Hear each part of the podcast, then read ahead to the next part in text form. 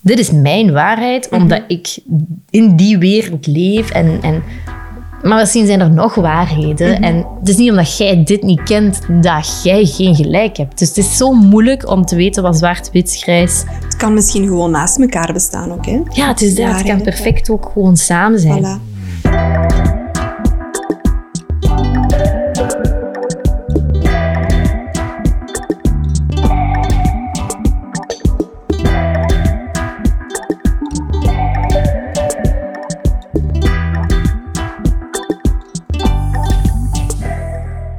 Ik ben Axel Aert. Ehm, de meeste mensen kennen mij misschien als Axel Lioness eh, via de media. Ik ben eh, zangeres, ik ben coach, ik ben personal trainer en ik ben ook ja, spiritueel medium, kun je het wel noemen. Mm, maar ik weet niet goed hoe dat ik het moet noemen, dus ik noem mij meestal gewoon een heks. Oké, dat is al direct een zeer eh, intrigerende term. Dat is het makkelijkste, omdat ik ook wel graag dat taboe de wereld uithelp van magie en andere dimensies en andere werelden. Dus dan ga ik het gewoon meer op de man af, gewoon zo zeggen. En dan wordt het misschien ook met de tijd een beetje een, een woord waar mensen minder bang van zijn. Ja, inderdaad. Want als jij zegt heks, dan denken heel veel mensen waarschijnlijk... Oei, oei, oei, vroeger brandstapels. Ja, zwarte magie ook waarschijnlijk. Ja, ja, inderdaad, ja.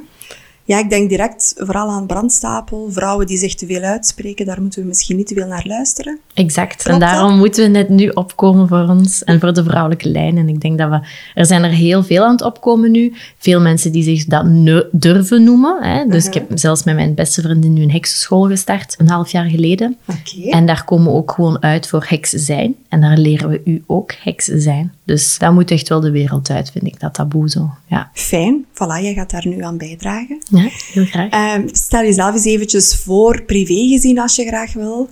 Eh, ja, ik ben dus nu op dit moment word ik 29 en ehm, ik ben nu mama van een dochtertje Lucia. Ja. Negen maanden is ze. Hè? Dat is echt ongelooflijk hoe snel dat, dat gaat. Cliché, Ehm, maar waar. Oh, crazy. En ik doe het super graag. Ik ben kei graag mama. En op dit moment ben ik dus een beetje ja, terug de balans aan het zoeken van werk en privé. Hè, hoe dat ik dat doe, om haar naar de crash te sturen. Ja, nee, hoeveel. Hè. En ook het mama gegeven. Oké, wie ben ik als mama en zo. Ja. Dus ik ben ook wel echt wel in die fase nog van... Hoe, wie was ik? Wie ben ik nu? Uh, dat verloopt allemaal wel sava. Ik denk dat dat erger had kunnen zijn ook. Um, ik denk dat ik mijn baby... Ja, ze zeggen zo baby blues, hè, maar ik heb dat nooit niet gehad. Ik heb dat voornamelijk in de zwangerschap gehad. Ik vond het heel moeilijk om zwanger te zijn en alles wat daarbij kwam kijken. Dus nu ben ik eigenlijk redelijk oké. Oké. En gaat alles goed en ben ik gelukkig en heb een huisje gekocht. En ja, is de toekomst wel heel mooi en bright. Dus dat is mijn focus op dit moment. Oké. Misschien is dat wel interessant om ons gewoon terug te nemen naar het begin. Had jij vroeger een kinderwens? Ik heb altijd wel... Nee, ik heb, nee wacht.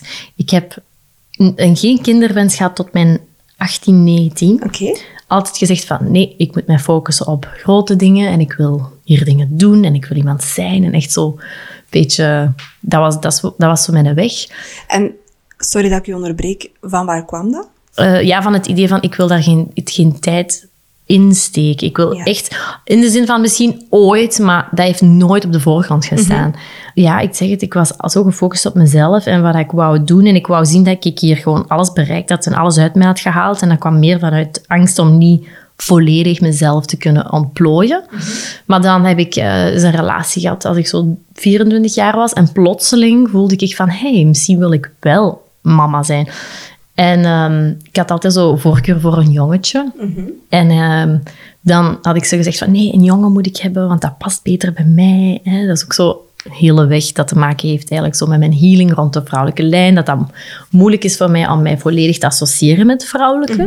Dus dat is iets heel persoonlijk. Dus dat, ik wou ook een jongetje. En ook als ik huisdieren ging kiezen, was het zo, nee, geen vrouwtje. Alleen mannetjes. Ja. Ja. dat is zoiets heel specifiek geweest. En dan uiteindelijk, omdat ik in die relatie zat, dat mama-gevoel begon. En ik dacht, hmm, misschien wil ik een meisje. En in één keer ging dat zo naar een meisje toe meer. Oké. En dan in één keer, als je dan uiteindelijk zwanger bent, ja, dan boeit het echt niet meer. Hè. Dan wil je echt gewoon dat het gezond is. Dus dat is ook wel wat ik, alle verschillende emoties die ik daar zo rond Ja. gehad heb. Dus ja, dat is heel geleidelijk aangegroeid. Maar ik weet wel dat ik in 2018 eigenlijk op een bepaalde manier heb doorgekregen van Spirit dat ik ging zwanger worden in dit leven en dat het van een meisje zou zijn. Oké. En ik heb toen ook direct de naam doorgekregen, Lucia. Ja. En toen heb ik ook gezegd, oké, dat is het, dat is de naam. En ik had toen nog niet de partner of de, plannen of helemaal niet. Maar Ja. ik, ja, en dat is zo levendig binnengekomen, ik ben dat nooit meer vergeten. Zo bijzonder. Wat deed dat met jou toen als je dat had binnengekregen? Dat was raar, want dat was eigenlijk tijdens dat ik gewoon training aan het geven was. En dat was gewoon random in een gesprek met iemand over zwanger zijn. En die vroeg ook zo, heb je niet al namen en zo? En toen, toen kwam, dat was er gewoon. In één keer wist ik van, oké, Ja. het is een Lucia. Hè. Daarna, heb ik heb daar zelf niet veel aandacht aan geschonken, omdat ik ook niet bezig was met zwanger zijn. Of, ik heb dat zo wel laten. Maar dan uiteindelijk, als ik dan zwanger was, dan, dan ik werd direct zo gecatapulteerd terug naar dat moment. Ja. En dan dacht ik, ah ja, Zoals al altijd zei. Ja. het was al altijd dat. ja. Ik denk, ja, het is gewoon eh, een beetje voorbestemd. Hè. Heel veel is uitgestippeld, veel ook niet, maar bepaalde dingen wel. Want we gaan dan een beetje verder in de tijd. In 2021 Ja. ben jij dan zwanger geworden. Ja, Je zat in een relatie of niet? Ik zat nog niet in een relatie. Dus ehm, ik heb Bries eh, leren kennen in 2020. En ehm, ja, ik had toen andere zaken aan mijn hoofd. Ik was echt heel diep in een soort van spirituele healingsproces nog. Heel veel aan het bekijken op relatievlak. Ja, wie ben ik? En ik had ook een heel tweelingzielverhaal dat, dat meespeelde hier op aarde. Waar ik, dat ik middenin zat op dat moment nog. En ik heb dat eigenlijk heel mooi afgesloten dat jaar. En toen pas kon ik naar Bries kijken als potentieel, om zo te zien. Of als een optie zelfs. Om, Als om, potentieel partner of als vader van jouw kind? Nee, puur als relatie. Van, hm, misschien zie ik daar iets in, misschien voel ik daar... Ik vond hem zo interessant, daarvoor al, maar mijn energieveld stond daar niet voor Ja. open. En van het moment dat ik dat had afgesloten, was Bries elke keer mooier en zijn aura groeide. En ik, daar was een hele grote pool van mij naar hem en ik verstond dat niet. Want wij zijn twee uitersten. Ik zag dat totaal niet. Hoe kan ik daar een relatie mee hebben? Iemand die echt de opposite is van wie ik Ja. ben. Eh, maar ja, ik weet niet. Het was iets heel magnificent, charming aan. En eh, ik heb dat een beetje gevolgd. En dan uiteindelijk, ja, ik kende hem dan wel al bijna een jaar. Ik dacht van, zie, we kunnen eens zien waar dat naartoe gaat. Dus wij hebben eigenlijk hoe dat we elkaar hebben leren kennen als via gemeenschappelijke vrienden. Ik ging één keer in de week eten bij hun thuis en hij ook. Maar dat gebeurde altijd apart. Tot op het moment dat zij zei van kijk, dat is twee keer in de week koken. Ik zal ik één keer koken en Ja. kom gewoon samen. Dus ik zag die redelijk veel. En eigenlijk zo dan, door dan in het begin niet hem zo te zien en dan wel meer die pool te voelen, heb ik zo meer interactie gezocht met hem. Maar ik zag wel dat hij dat ook wel terugdeed. Maar hij is super terughoudend als het gaat over flirten en dergelijke dingen. Dus ik moest echt mijn best doen. Ik heb echt alles uit de kast moeten halen. En maakte het jou onzeker? Nee. Nee? Nee, dat is een uitdaging voor mij. Dus nee, Cool. dat vind ik wel... eh, ik vond dat ook heel interessant, omdat ik zo dat soort man, om zo te zeggen, niet kende. Ja. Dat niet zo de jager was. Die, En- en, ook niet direct toehapte. ja, exact. Ja. En super... Ja, ik kon die niet lezen, hè. Ik dacht, vind jij mij nu eigenlijk leuk? Ja of nee? Allee, Ja. Dus eh, ik heb echt wel erop gesprongen, letterlijk eigenlijk. Ehm, en, eh, ja, en dan uiteindelijk was dat zo... Elke keer dat ik die dan zag, was dat zo wat closer. En dan is er één avond geweest dat wij verder na dat etentje eigenlijk nog hebben afgesproken. En heb ik gewoon zelf mijn stoute schoenen aangetrokken, want ik wist dat gaat nooit van zijn kant komen. En dan is eigenlijk wel alles bevestigd. Maar hij wou gewoon niet die eerste stap zetten. ja. En zo zijn we dan eh, begonnen met heel rustig zo meer, zelfs gewoon het idee van Friends with Benefits. Want dat was echt niet de bedoeling dat wij... Ik denk dat we dat allebei gewoon niet zagen. Van, oké, dit kan niet met onze persoonlijkheden. Dat was gewoon op die manier. En dan, na die eerste nacht samen zelfs, wist ik van, oei, oei, oei, oei, dit is veel groter dan dat ik mijzelf had Wijsgemaakt. wijsgemaakt. Ja, ja, want er is echt, je voelde dat energetisch. Ja, ik sta zo open. Ik krijg ook heel veel informatie door direct van, van hem en van ons en de bedoeling. En ik dacht, oei, waar heb ik me nu in gezet? En dan waren wij, denk ik, zes weken echt full-on dating. Maar dan denk ik dat wij in de zesde week echt pas hebben uitgesproken van oké, we zullen het wel iets noemen. Want ja, het was duidelijk meer van beide kanten. En dan, eh, ik denk dat wij, ja, de achtste week of zo, ging ik naar de gynaecoloog. En toen was ik zwanger. Dat werd vastgesteld toen je bij de gynaecoloog was. Mhm. Oké. En als je daar op dat moment bij de gynaecoloog was, had jij zelf die weken daarvoor al een vermoeden gehad van hier gebeurt iets, er is iets vreemd aan de hand? Ja en nee. Dus je moet weten dat ik op dat moment had ik 15 kisten. Dus op, daar op die eierstok en op die beetje. Dat was echt toen dat de gynaecoloog destijds aan erover ging en ik zag die kisten allemaal, dacht ik wow. En ik voelde keihard pijn en ik dacht van, oh, daar, daar, kan, daar kan niks aan de gang zijn nu, want ik moet dat healen zelf. En ik wist van waar dat, dat kwam. Dus ik dacht van, weet je, ik ga dat zelf onder handen pakken. Mijn gynaecoloog had gezegd van, kijk, ik denk dat het beste is dat je teruggaat naar wat ik nam toen de minipil, Ja. Cerazet. En die zei tegen mij, kijk, je hebt oestrogeen nodig om die kisten weg te doen, dus ga maar terug naar een andere. En mijn vorige was Desorel. Maar ik had altijd met Desorel miserie gehad. Dat is de reden waarom ik naar Cerazet ging. Dus ik zeg, weet je, ik ga dat niet doen. Ik ga gewoon stoppen met de pil. Ik vond dat een keizware beslissing. Omdat dat u inderdaad zet in dat... Nu moet je gaan opletten. En mijn vriendinnen waren allemaal pro. En ik had zoiets van, oh, zou ik dat wel doen? Maar die deden dat al. Hè, die natural way of living. En ik dacht eigenlijk, als ik toch zo spiritueel bezig ben, is het eigenlijk niet nou, logisch, de keuze, om, Om je eigen cyclus te onderdrukken nog. ja, of te eindelijk sturen. dat te, te doen, om dat te gaan vrij laten allemaal. Hè. Dus oké, ik dacht, ik doe dat. Maar dus met dan die kisten en dan het feit dat ik dacht, goh, heel mijn cyclus moet nog op gang komen, was er bij mij eigenlijk niks in mijn hele zijn dat zei, dat kan. Hè. Plus het feit dat ik echt de ergste drie jaar van mijn leven net achter de rug had gehad en ik zoiets had van, kijk, dat gaan ze mij nu langsboven echt niet aandoen om mij dat pad te laten bewandelen. ik dacht echt... Dus ik dacht, nee, dat kan niet, dat kan niet. Hè. Dus uiteindelijk zijn wij heel onvoorzichtig geweest. Gewoon. Het is niet dat we niet voorzichtig... Allee, we hebben wel een beetje opgelet, maar veel te weinig. Hè? Dus, ehm, en uiteindelijk wist ik het... Wist ik ergens wel van... Dat we zijn niet goed bezig. Maar aan de andere kant was er niks in mijn lijf dat zei van... Dat gaat gebeuren. Wat ik nu wel ook snap, want had ik dat doorgekregen en had ze mij dat laten voelen, had ik waarschijnlijk dat kunnen blokkeren hè, met mijn eigen vrije wil. Dus, maar langs zijn kant ook was er veel te veel vrijheid naar mij toe. Dus ik wist, en nu als je erop terugkijkt, is dat precies ook zo wat gestuurd geweest, dat wij daar te laks in waren Ja. op een of andere manier.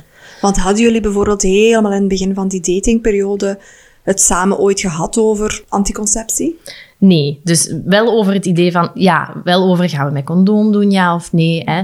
Maar soms deden we dat dan ook niet. Eh, daardoor dus. En er was ook al besproken van, wat als er ooit hè, een, een zwangerschap is. En ik had toen echt full-on gezegd tegen hem van, kijk, dan doe ik dat weg. Weet je? Pff, dan is dat zo, zo pril. Dat is niet erg.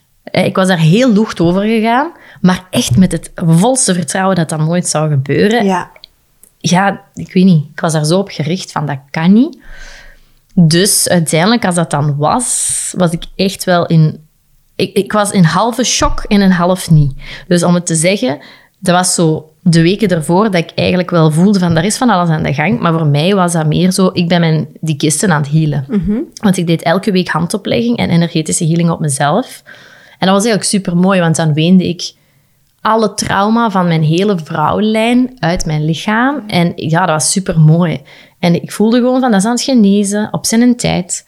En de reden dat ik naar de gynaecoloog ging, op 11 januari 2021, was eigenlijk om te zien, zijn die kisten er nog? Want die waren vastgesteld in oktober. En in, die, die- ja, hij had gezegd, kijk, kom dan binnenkort nog maar eens terug.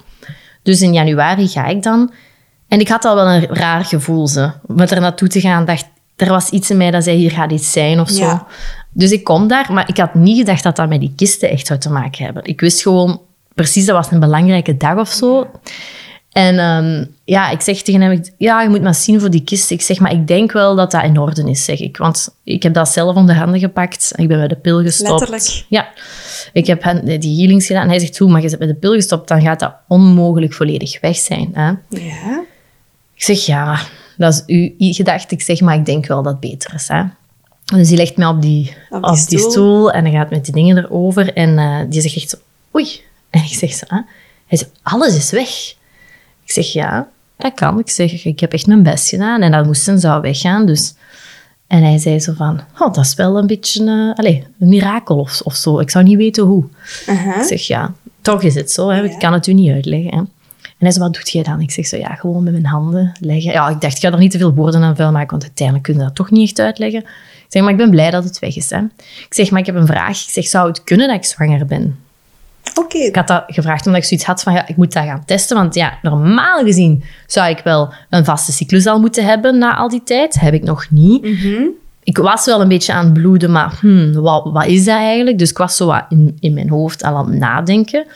En hij zei, god, dat kan ik niet zien. Ik zie wel, zegt hem, wat heet hem weer? Dat uw baarmoeder slijmvlies, eh, dat er iets... Is dat, ik weet niet, is dat hard? Is dat, is dat zacht? dik is misschien. Ja, er was iets mee. Opgebouwd. Dus hij zegt van, dus het kan. Hij zegt, maar het zou dan echt zo pril zijn dat ik het niet kan zien. Dus je zou een test moeten halen. Dus ik dacht, oh, ik kom daar al buiten van, oh, moet ik nog een test gaan halen? Wat doen we? Hè? Dus ik ging naar de apotheker. En dat was echt wel zo een beetje mijn bang hartje natuurlijk. Want ja, ik eigenlijk wilde dat niet. Want ik wist van, dan moet dat weg. Hè? Want dat kan niet anders. Je kunt geen basis... Allee, in mijn hoofd was dat Ja. chaos. Ik ga naar de apotheker. En eh, ik weet nog dat, dat ik dat ja, plaste op het stokje en ik moest wachten. En dat zei dus één streepje. Hè? Dus eigenlijk niks. Niet zwanger, ja. En met dat ik dan besefte van ik ben niet zwanger, voelde ik een verdriet. Ja. En ik dacht, huh, dat is raar dat ik een verdriet voel, want ik wil dat niet. Ja.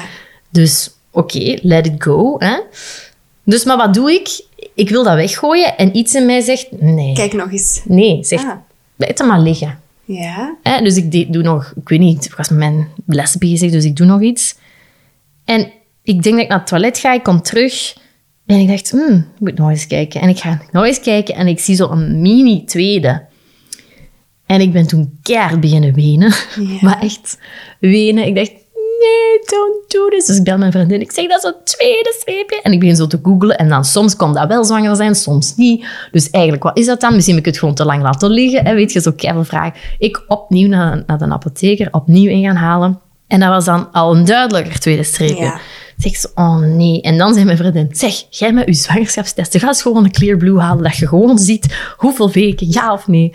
Dus ik nog een derde gaan halen. En dan- Allemaal diezelfde dag? allemaal dezelfde dag. Ja. Oh. En het ding was, na die eerste test, waar dat een één streepje stond, had ik dus wel gestuurd naar Bries. Phew, we zijn niet zwanger. Ja. Oh nee. Dus ja, ik dacht al, dus ik dacht, shit, wat heb ik gedaan? Die had een anticipation. Ik heb dat al dan eigenlijk De kop ingedrukt. en nu moet ik dat opnieuw. Oh nee, ik was heel boos op mezelf dat ik dat zo snel had gestuurd. Dus ik ga dan naar die vriendin. Dat was duidelijk één, twee weken zwanger. Oké, goed. Dus ik dacht, ja, maar ik, ging- ik ging s'avonds sowieso naar hem. Dus ik moest dat zeggen, maar ik dacht, hij doet afbraken en grondwerken, die komt vuil thuis. Ik dacht, ik ga die op zijn gemak laten douchen. Maar ik was al zo niet met een gewone energy, want ik moet, ik moet iets meedelen dat niet leuk is. En ik wist dat hij dat, dat die ging doodgaan. Echt ter plekke. Ik wist dat gewoon. Dus ik, ik sta daar in de keuken. Ik zeg, doe maar op je gemak. Ik zal wel eten maken. En dan zijn we in de zetel gaan zitten. En die zo, maar wat is er toch? Wat is er toch? Ik zeg, ja. ik zeg, ik moet iets zeggen. En ik, ik, denk, ik denk dat ik hem al zo zag slikken. Zo van, oei. Ik zeg, ja, ik heb dat straks gestuurd. Maar eh, een beetje later. en eh, nu ben ik nog één test gaan doen. En ehm, ja... En ik denk dat hij eerst zo even stil was. En zo van, nee, nee, nee, nee, nee. En die is dan echt zo, ja, een beetje geflipt. En dan in ene keer draaide die. En was hij zo, nee, nee, dat gaat wel lukken. We kunnen dat. Oh, wow. Ja, ja, dat was even zo, nee, nee, nee, oké. ik moet me gewoon, dat is gewoon, ik moet gewoon met een kop omdraaien. Ja. Ja, gewoon, hè. En een, een minuut later, nee, nee, dat kan niet, dat kan niet. Dus die ging zo... Die schommel ging van hier naar daar echt. Amai, echt van hoog naar laag. En eh, ik begreep dat natuurlijk volkomen. Hè. En ik ben toen, van moment, allee, van toen had ik echt zoiets van, amai, deze is gewoon fucked up. Want ik vond dat heel lelijk, dat ik degene was die dat moest beslissen. Dat hij daar eigenlijk geen zeggenschap in had, vond ik super erg. Het is niet dat je dat eigenlijk met twee kunt doen. Juridisch gezien klopt het dat jij als vrouw de keuze hebt en dat de partner ja, mag willen wat hij wil, maar dat jij eindbeslissing hebt, dat klopt. Maar uiteraard, emotioneel gezien, relationeel gezien, is het wel een hele belangrijke dat jullie samen tot een beslissing kunnen komen. Ja, dat was echt... eh, Want eventjes voor de luisteraars misschien, één op de vier zwangerschappen is initieel ongepland, wat dus echt wel een hoog aantal is. Onderzoek toont ons dat één op de drie zwangerschappen vrijwel onmiddellijk gewenst zijn. Van die één op vier die ongepland zijn. Dat 1 op 3 dus vrijwel onmiddellijk gewenst is, 1 op 3 wordt gewenst en 1 op 3 blijft ongewenst. Hè? Dus dat zijn, eh, dat zijn een beetje de cijfers. En we zien inderdaad wel heel vaak in een koppel, of ja, tussen de papa van het kindje en de vrouw dan, dat je niet altijd initieel op dezelfde lijn zit. Het kan soms echt wel zijn dat je lijnrecht tegenover elkaar staat. En dat is niet altijd een evidente. Hè? Nee, dat was heel moeilijk. En het ding was ook, Bries kende mij goed genoeg. Die zei ook van, ja, jij met je spirituele overtuiging, die zo, je kunt zeggen wat je wilt, maar ik weet dat jij dat niet wilt wegdoen. Je ziet dat als een teken van iets. Hè? Ik zeg, ja, ik zie dat heel erg als een teken van iets. Ik zeg, nu moet ik gaan zoeken wat dat, dat moet komen doen. Hè? Want ik ben heel loyaal. Ik zeg, ik heb veel meegemaakt op, op andere wereldenniveaus, hè, waardoor dat ik heel hard weet van, oké, dat is een ziel, die kiest mij en Bries, die komt iets doen. Je kunt dat op zijn aardse manier ongepland noemen. It is planned van andere werelden en dat moet iets komen doen. Dus voor mij was dat eigenlijk heel moeilijk, want aards gezien als Axel de niet-spirituele wandelende mensen op aarde, zou ik zeggen, goh, weet, we doen dat weg. Mhm. En misschien blijven samen en misschien beginnen we over twee jaar aan kinderen. Hè, en had ik, kan ik God spelen over mijn eigen leven. Hè. Mhm. Maar ik met mijn kennis weet dat dat niet zo is en dat ik niet iets hoor te saboteren dat hoort te gebeuren en hoort een veroorzaking te brengen in zijn leven, in zijn bewustzijn als dat een levensles is voor hem en ik ontneem die, dan doe ik een stuk van zijn leven helemaal naar de vaantjes. Ja. Dus verantwoordelijkheid voor mij lag veel meer spiritueel eigenlijk. Ja. En ik dacht, shit, wat moet ik nu doen? Dus ik ben direct ja, naar huis gegaan, ik heb geweend, ik heb mijn kaarten bij mij gepakt, mijn pendel. Ik heb gezegd tegen mijn team, jullie komt allemaal nu naar beneden en we gaan babbelen en we gaan zien wat we hiermee moeten doen. En ik heb ja, ik hoopte dat die gewoon zouden zeggen van, ja, dat is oké, doe dat maar weg. Maar dat was heel duidelijk van, nee Axel, dit is een cadeau voor u. En ik dacht, maar hoe een cadeau? Ik dacht, allez, ik bedoel... Het voelt niet zo op deze Het voelt nu echt niet zo. En ik was boos. Ik denk dat ik nog nooit zo boos ben geweest op mijn spirit team. Want normaal gezien zijn we echt tight. Maar toen was ik echt zo van, deze gewoon, ik snap het niet. Echt waar, waarom doet je mij dat aan? Ik kom net uit iets kei wild. Nu heb ik eindelijk rust. Ik heb eigenlijk iemand gevonden waar ik denk dat ik echt verliefd op kan worden. Voor de eerste keer toch echt helemaal mijn hart ook geven. En dan nu dat. Nu dit, ja. En dan was het eigenlijk zo meer van, ja, logisch dat we u dan ook net nu dat geven. En ik, ik had zoiets van, nee, nee, nee. Want wat doet je hem aan? Die is daar helemaal niet klaar voor. En wij staan op andere punten in ons leven. Mhm. Maar goed, ik dan, zo trouw als ik ben, ik had dan zoiets van, ja, dat moet, dus dat moet. Dus ik moet mijn eigen, maar dat, ja, een bepaalde rust in geven. Hè, want anders...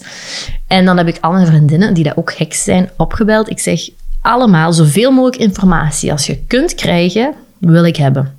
Want ik moet rust vinden. Dus de ene kan dat, de andere kan dat. Ik zeg, iedereen spreekt bovenaan en vraagt wat dat komt doen. Ja. Dus iedereen zei ook hetzelfde. Zo, ja, uh, dat moet echt wel komen. Dat is echt belangrijk voor uw pad, voor Bries en pad. Er is veel te leren. En ik kreeg ook heel veel visioenen van de toekomst en zo. Dat ik dacht zo, no way that, that is going to happen. Maar oké, het is zo dus.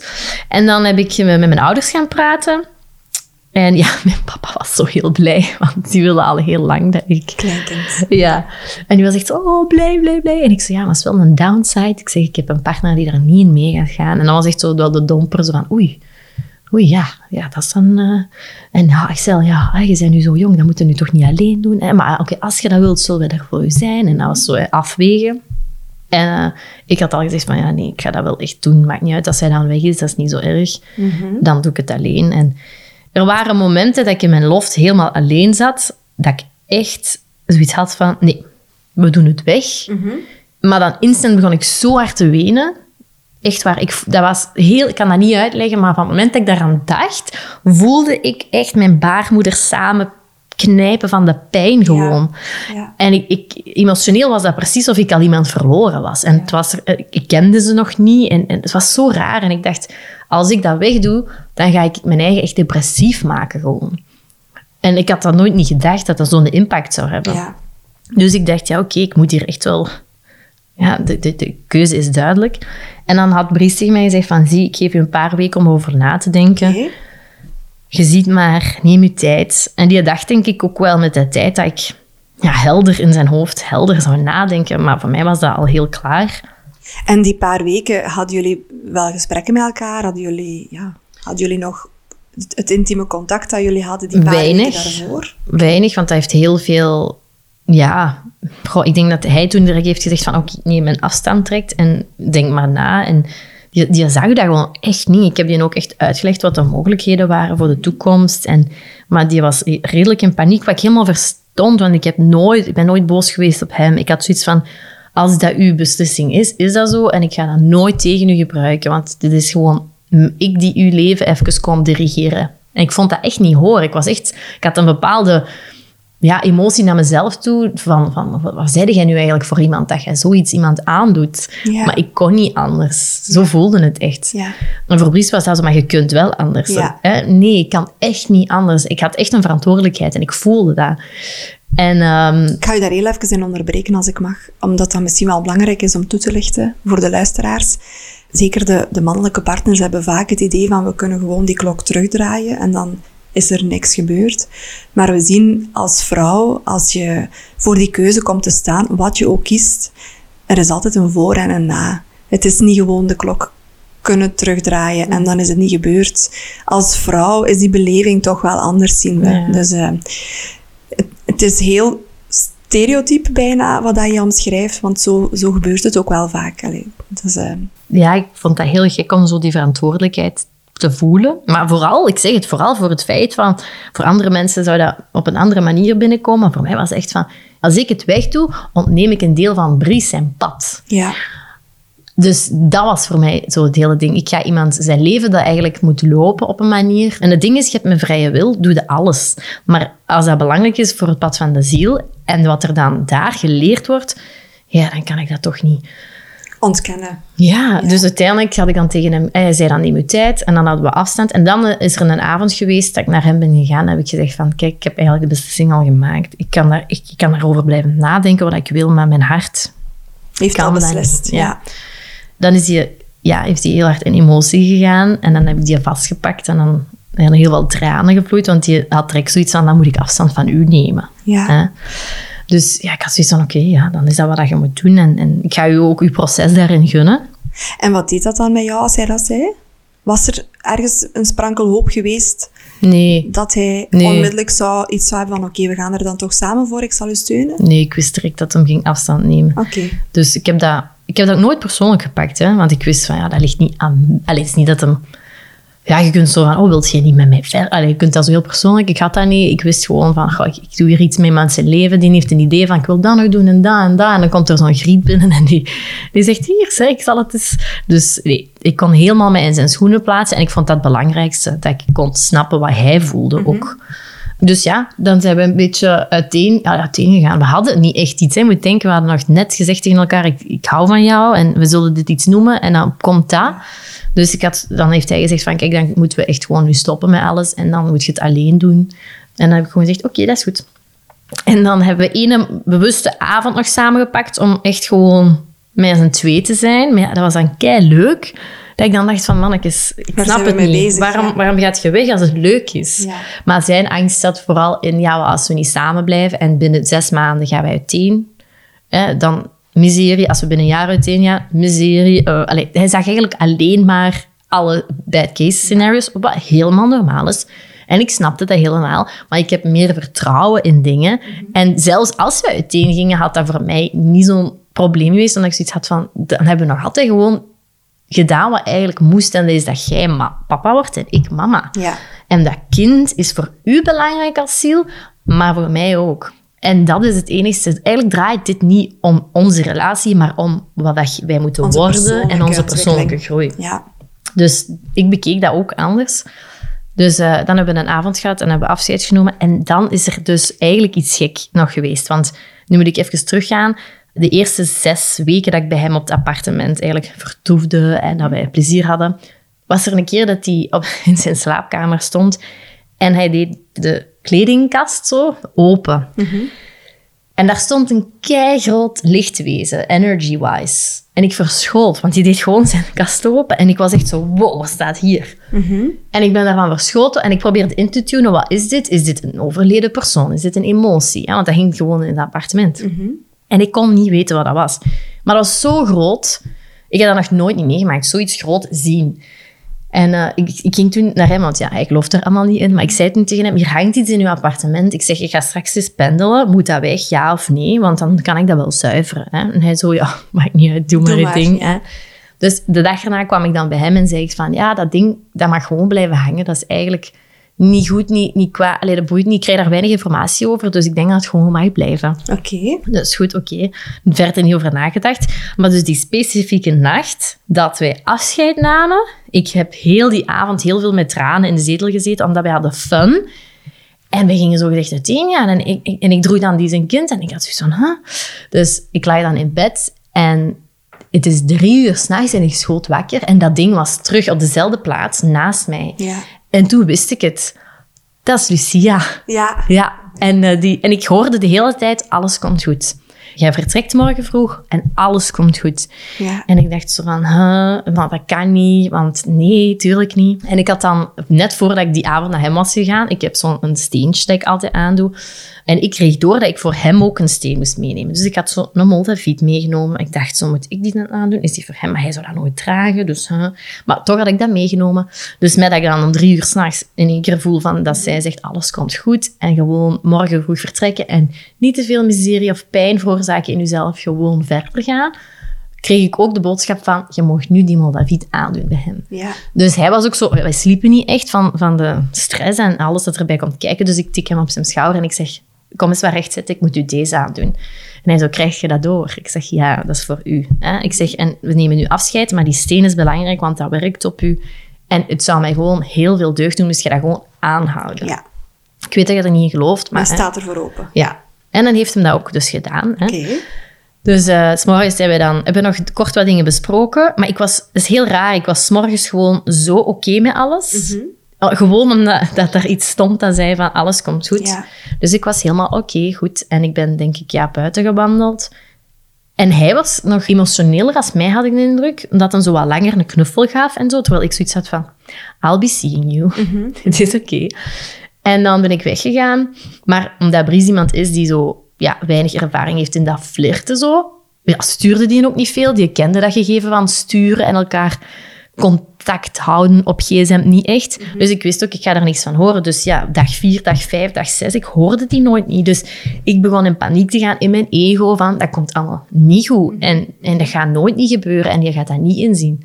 Dus weken zijn voorbij gegaan dat ik die niet hoorde. Ja. Heel vermoeiend. Maar die ging dan wel nog eten bij mijn vrienden. Ah ja, oké.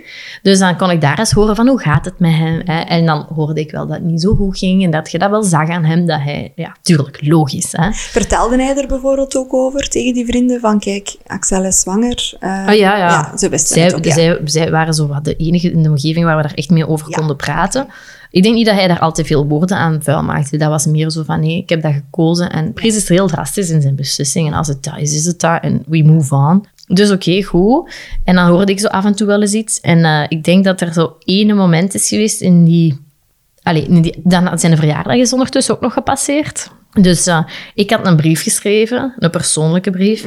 En ik had dat echt met pen in de brievenbus gaan doen bij hem. En dat was zo'n verjaardagsding. En ik had het dan gestuurd naar hem. Er zit brief in uw brievenbus, maar niet open doen voor uw verjaardag. Hè. En dan had ik daar heel emotioneel in geschreven dat ik heel veel liefde had voor hem, dat ik volledig begrip had, dat ik nooit tegen hem dat zou gebruiken, dat hij geen zorgen moest maken, dat ik mijn plan zou trekken en dat ik heel goed voor haar zou zorgen. Oh, ik Ja. word er nog emotioneel Amai, van. ik word hier ook al... eh, Ja, echt zo heel... Eh, en dat ik heel goed voor haar zou zorgen. En eh, dat ik wel nog eh, ergens hoopte dat hij toch nog potentieel zou zien in ons. En dat hij elk moment, al is het volgend jaar bij wijze van spreken, nog zou mogen terugkomen Ja. als hij voelde van, goh, foute beslissing Ja. of zo. Hè. Dus eh, ja, goed, dat, dat passeert. En die, die reageerde daar die eerste 48 uur denk ik niet op. Dus ik was echt zo van, oei, ja, oké, niet dan. Hè. Maar dan zei hem zo plots van, ja, morgen is mijn verjaardag, ik zou graag mijn avond met u spenderen, dus bedankt voor de brief en mag ik langskomen? Dus oké. Dan is hem langsgekomen en hebben wij, heeft hem wel gezegd van, ik neem volledig afstand, nog altijd van het kind, hè. Maar ik wil wel vanavond mijn verjaardag nog met u spenderen, want ik had in de brief geschreven, ik hoop dat je het kan spenderen met mensen waar je op, oprecht bij wordt graag gezien. Ja. En hij- daar refereerde hij op van, dan wil ik bij u zijn. Dus ik vond dat kei mooi. Ja. Maar ja, dat was een kei leuke avond weer. Hè? En, en hij zei van, en ik mis u. En, en, en dat was allemaal heel mooi. En dan dacht ik van, ja, opnieuw, waarom doen we deze niet? Dus ik, ik kon dat niet echt vatten. En dan zijn we, heb ik die week weer niet twee weken gehoord of zo. En dan had ik tegen mijn vriendin gezegd, wat verdomme, Spirit moet die iets duidelijk maken. En ik zeg, kun je nu niet gewoon in die, in die zijn living gaan staan als engel en zeggen van, jij moet papa worden. hè? Maar ja, oké, zo drastisch gaan ze dat niet doen. Maar wat gebeurde er dus? Drie dagen later kreeg ik van Bries een berichtje en die stuurde een foto van een babypakje. Ja, En ik dacht zo, een babypakje, dat was zo met Mickey Mouse op, van een H&M. ja. En eh, ik zeg zo, hoe, waarom stuurt je me? Die zo, ja, moet je dat hebben? En ik zeg zo, hoe moet ik dat hebben? Die zo, ja, dat zat in mijn brievenbus. Die zo, ja, ik had iets besteld en dat zat erbij. Het was een verkeerde bestelling. Oké. Ik zo, mm, mm, mm, Dat- niet verkeerde bestelling. Ik zo, dat is een teken. En hij zo, ja, ja, ik dacht dat je dat zo ging bekijken. Hij zegt, ik bekijk dat zo niet. Dus ja, ik dacht, aan u moet je het hebben. Hè. Ja. Dus ja, dat was ook weer zoiets. Ik dacht, oké, ja, Spirit, goed gedaan, maar hij snapt het niet. Dus ja. eh, Even, heb je nu heb je een foto met Lucia als ze dat pakje aan ja, heeft? ja, ja, tuurlijk. Dat noemen we nu het pakje van Spirit eigenlijk. Hè. Sorry, ga maar Eh, verder. echt, ja, dat is wel, nu zijn leuke anekdoten. Hè. Maar dus uiteindelijk, hè, dat gebeurt nog. En dan heb ik die weer een week niet gehoord. En dan, omdat ik eigenlijk altijd in die up en down zat van ik hoor hem niet. Maar wel alles in mij en mijn kaarten. En, en Spirit zegt dat hij terugkomt en dat we toch samen gaan doen. Dacht ik van, ja, was dat emotioneel voor mij gewoon. Hè. Dan was ik high, dan was ik low. Ja, wat een rollercoaster. Ja, en dat was eigenlijk de eerste volledige, wow, ik denk negen, acht, negen weken, echt dat ik zwanger was, dat dat allemaal gebeurde. Ja. Dus ik had zoiets van, dit is niet goed voor de baby. Dit is geen goede bonding met mijn baby. Dat ik eigenlijk half depressief ben en toch blij ben. En de, de, de. Ik vond dat heel moeilijk. En dan heb ik dus echt een breakdown gehad op één avond. Dat ik zo hard aan het wenen was. Dat ik zoiets had van, ik moet die gewoon sturen en zeggen dat ik gewoon even in zak en as zit. Punt. Dus ik heb dat gestuurd van, het gaat echt niet goed met mij. Zou jij gewoon bij mij willen komen zijn? Hè? En die heeft eigenlijk gewoon gestuurd, ik kom ze biedt af. Ja. Echt gewoon zo, zo, ja, ik moet nog naar de hockey, maar ik kom daarna terug. En ik dacht van, wow. Dit had je niet verwacht. Nee, ik had gewoon ge- gedacht dat hij zou zeggen, kijk, je, je hebt besloten om dat alleen te doen, dus je gaat er ook alleen moeten doorgaan of zo. Nee, die was er echt. Ja. En dus wat is er dan gebeurd? Eigenlijk van het moment dat hij bij mij thuis is aangekomen, heb ik gewoon gezwegen eigenlijk over de baby. We hebben daar niet meer over gepraat. En ik denk dat we gewoon terug naar onze datingfase gegaan zijn. We hebben ons gewoon terug geamuseerd, gelachen, intiem geweest, gewoon. Elkaar weer verder leren Ja, kennen. gewoon verder leren kennen. En, en ik heb daar echt geen woord over gered. Ik dacht, we gaan die baby er gewoon hier niet bij halen. Want eigenlijk is dat niet de bedoeling. De bedoeling is dat wij terugkomen tot wie dat wij waren voor de baby. En ehm, ja, dat, dat passeerde. Dus ja, ik was eigenlijk al zo weken met hem terug aan het afspreken. En samen eten en van alles. Tot aan de dag dat ik dan moest naar de twaalfde week echo. Ja. En toen dacht ik van ja, nu zijn we hier wel al vier weken terug elkaar aan het zien, maar er is nog niks besloten, weinig over verteld. Dus heb ik gewoon op een avond aan hem gevraagd van kijk, morgen moet ik naar de echo. Je moet niet mee, maar ik zou het leuk vinden moest je meegaan. Ja. En dan is hij even zo stil geweest en dan zei hij van ja, ja als ik het echt niet ging doen, dan, dan, had ik, eh, dan had ik eigenlijk al lang gewoon echt moeten wegblijven bij u. Ja. Dus ik ga morgen meegaan. Ja. En amai, Ik heb kippenvel. Ja, amai, dat was echt voor mij even zo een... Want we zaten gewoon tegenover elkaar aan tafel, waren eten aan het maken samen. Hè, en ik dacht, oh mijn god, ik ben zo blij, ik ben zo blij, ik ben zo blij. Gewoon omdat we maar meegaan, want voor mij was dat al... Ik had zoiets van, ja, ga gewoon mee. Ik weet dat dat, dat, dat u niks doet. Ik weet dat die echo je ook niks doet. Dat dat gewoon iets is op een beeld dat je denkt van shit, my life. Hè. Maar toch, het feit dat hem dat wou doen, dat deed veel voor mij. En ehm, dan zijn we de volgende dag gegaan. En er is wel echt toen een klik geweest. Want die dag heeft Bries besloten van... Ik ga papa worden. Ik ga het doen. En ik denk, de volgende dag hadden wij onze naam. Want ja, ik had eigenlijk Lucia. al. Ja. Dus ik had dat gezegd van, kijk, neem je tijd, kijk maar eens rond. Maar die was direct zo van, ja, ik heb al gekeken, maar ik voel niks beter, dus dat is goed. Ja. Ehm, dan hebben wij, denk ik, zes dagen later zijn we bij mijn ouders, ben ik hem gaan voorstellen. Ja. Dus dat was echt een versnelling. Wij hadden midden diezelfde week onze, onze babykamer besteld. Want hij was ook direct van, ja, allez, begint met de dingen en, en de crash. En in één keer was hij zo... Super rap, ja. Ja, die was er gewoon in mee. En ik dacht van, wow, wow, wow, moeten we niet uw tempo een beetje volgen? Hè? Want ja, daar zit toch een bepaalde angst of iets. Maar Bries is niet zo. Ik zeg het, als hij een beslissing maakt, dan is het ja of nee. En dan Ja, er pakt hij alles erbij. Nee, geen grijs. Die kent echt geen grijs. Ehm, en ik was zo verschoten. Want kon jij dan volgen? Ik was excited. Ja, oké. Dus ik ben daar gewoon in meegegaan. Ik dacht van... eh, Ik heb wel ook emotioneel gezien... En allee, ik heb me wel nog altijd koest gehouden. Ik ben niet in zo van... Oh my god, we krijgen een baby. Daar ben ik niet in gegaan. Hè. Omdat dat ook niet kon. Omdat ik ook wel de realiteit wist. Maar ik was wel zo van... Oké, goed, we gaan dat hier plannen. Hè. Er is vordering. En ik was daar gewoon blij voor. Ja. Dus ja, in één keer was dat op een week wel gedaan. En de week erna ben ik naar zijn ouders gegaan. Dat vond ik wel heel eng. Want ik wist wel ook hoe die daarover dachten. En, en ja, Had jij ze ooit al ontmoet? Of Nee, nog nooit. En kenden zij jou via jouw muziek of zo bijvoorbeeld? ik denk, ja, ik denk dat de zus mij wel kende van Pink Ambition dan vroeger. Of zo is van inderdaad nog eens The Voice of zo. Maar ja, dan, Vaag, dan heb je geen ja. beeld van iemand Nee. echt. Hè. En ik, ik weet dat Brice vooral zat met het feit van... Oei, mijn familie is echt totaal niet spiritueel en, en heel wetenschappelijk. En die gaan helemaal niet met je om kunnen eigenlijk op dat gebied. Dus eh, ik denk dat hij bang had. Of dat hij zo... Ja, zoiets had van, hoe, hoe gaat je aan tafel zitten bij ons bij familiefeest? Ja. en Zo. Dat hij daar angst rond had, terwijl dat eigenlijk geen probleem is. Ik hoef er ook niet over te praten. Hè. Als er vragen zijn, mag je mij iets stellen, maar ik, ik zit niet de hele tijd in de wereld van de heks. Je bent meer dan dit, hè? Ja. Ja, tuurlijk. Ja. Maar dat was dan eigenlijk snel weer licht. En ik heb, als ik heel eerlijk moet zijn, ik heb mij direct thuis gevoeld bij hun. Ik weet dat zelfs de eerste ontmoeting met hun waarschijnlijk voor hun ook heel allee, stressvol was of zo. Van, wie is deze persoon? Die ineens onze zoon vader gaat maken. Ja, exact. Hè? Dus ik had, maar ik had voor alles zoveel begrip, ook naar hun toe. Ik had zoiets van, we doen het op jullie tijd. Vinden jullie mij niet zo leuk in het begin? Dat is niet erg. Ik had zoiets van, het moet op zijn tijd. Ik ga hem in niks dwingen, want ik dwing hem al in iets. Ja. Dus ik, het- ik heb wel heel lang gezeten met schuldgevoel naar hem toe. Ja. En tot op vandaag, de dag nog, komt hij ruzies naar boven dat hij zegt van stop nu met je schuldgevoel. Ik heb mijn keuze gemaakt om voor u te kiezen, dus laat het. Want ik sleep dat ergens nog een beetje mee Ja. dat ik zo hem wil te veel geven of iets goed maken nog, terwijl er niks eigenlijk goed maken valt, zegt hij dan. Maar dat zit nog wel in mij, Ja. ik voel dat wel. Dus vanuit die nederigheid heb ik wel echt iedereen zijn tijd gegeven en ben ik gewoon zo mezelf mogelijk geweest, maar zo rustig mogelijk op de achtergrond. Gewoon om iedereen tijd te geven om dat Te wennen hoofdstuk te accepteren eigenlijk. Hè. En nog altijd met het idee van, het kan evengoed niet werken, maar ik vind wel dat we het moeten geprobeerd hebben. Want anders gaan we altijd Vragen what if. ja, dan gaan we er altijd spijt van hebben dat we dat niet te goed hebben aangepakt. Dus dat is een beetje zo het verhaal. En dan, ja, dan heb ik gezegd van, wordt het dan een Lucia? En dan zei hij, ja, ja, ik heb wat gekeken en Lucia is goed. Want ik vond dat heel moeilijk voor mij. Dat was Lucia, dat was niemand anders. Dus ik had nog wel twee andere namen die ik mooi vond, maar dat was niet deze ziel. Ja. Dus ik wist, zij moet Lucia noemen. Ik weet hoe belangrijk een naam is. Ik, ik krijg heel vaak in mijn, mijn eigen coachings ook klanten die dat een halve naam hebben van hun eigen naam.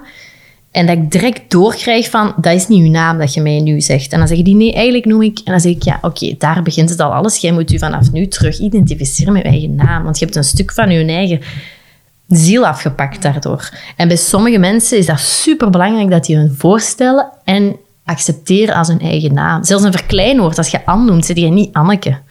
En dan maakt je je eigen in kracht veel kleiner. En dan moet je leren zeggen, ik ben Anne. Ja. Dus ik wist hoe belangrijk een naam was. En als het Lucia is, is het niet... ehm, Is geen Anna. Nee, is geen Anna. Hè, dus allee. Maar ik was dan zo blij eigenlijk dat hij gewoon zei, het is goed. En ik was zo van, oké, we zullen het nog aan wennen. En ik geef hem nog zijn tijd. Ja. Maar dan ook weer drie dagen later zei hij gewoon zo aan de telefoon tegen zijn bomma, zo de naam en zo. Ik was zo, oké. Ja, hij, heeft, hij is er helemaal mee mee. Dus ja, Want ja, je had het wel Vekenecho gehad. Hebben ze toen ook al vastgesteld, want het is inderdaad een dochter, zoals jij het al aanvoelde? Of... Ah ja, dat was ook zo'n ding. Dus als ik dan zwanger was en ik zei dat tegen hem, zei ik ook van, het is een meisje. Ja. Hij was echt zo van, ja, dat weten we niet tot de niptest. Dus eigenlijk was het... Ik zeg, nee, nee, het is echt een meisje. Ik zeg, maar je moet me niet geloven. Maar dus dat was wel de hele tijd het verhaal. Dus ook na de niptest, ik wist dat dat een meisje was. Ik was echt... pff, ik heb dat tienduizend keer gecheckt. Meisje is meisje. Zelfs onze astrologische charts, daar kun je inzien of je een jongen of een meisje krijgt. Ja, was het ook een meisje. Dus alles was Ja. het. En dan was hem zo, ja, één kans op twee, ja. Ja. Dat is Bries dan zo. Ja. Eh, maar nee, dus dat was ik Maar het werd dus een dochter, ja. dat is dus een dochtertje. Dus, eh, maar als we een jongen hadden gehad, ja, dan had ik ook wel wat namen klaar sowieso. Maar op zich, nee, dat was gewoon niet het verhaal. Dus eh, voor mij was dat echt een kans om onvoorwaardelijke liefde te leren kennen. En voor Bries was dat voornamelijk een kans om zichzelf te ontplooien. Ja. En oké, hij had nog nooit echt een, een vriendin gehad. Dus ik was eigenlijk de eerste echte vriendin. En dat is ook wel liefde leren kennen. Maar ik voelde voor hem vooral zo dat durven in iets springen. Ja. Met het idee dat, er, dat het mis kan gaan. Omdat Brice heel veilig speelt. En ik, ik voelde echt van, dat is zijn les hieruit. En dat, ja, hij beziet dat nog altijd zo niet. En dat hoeft ook niet. Maar dat is wel wat ik weet ervan. Ja. Oké, dus tegen dat je ongeveer halfweg in de zwangerschap was, was ondertussen de familie op de hoogte.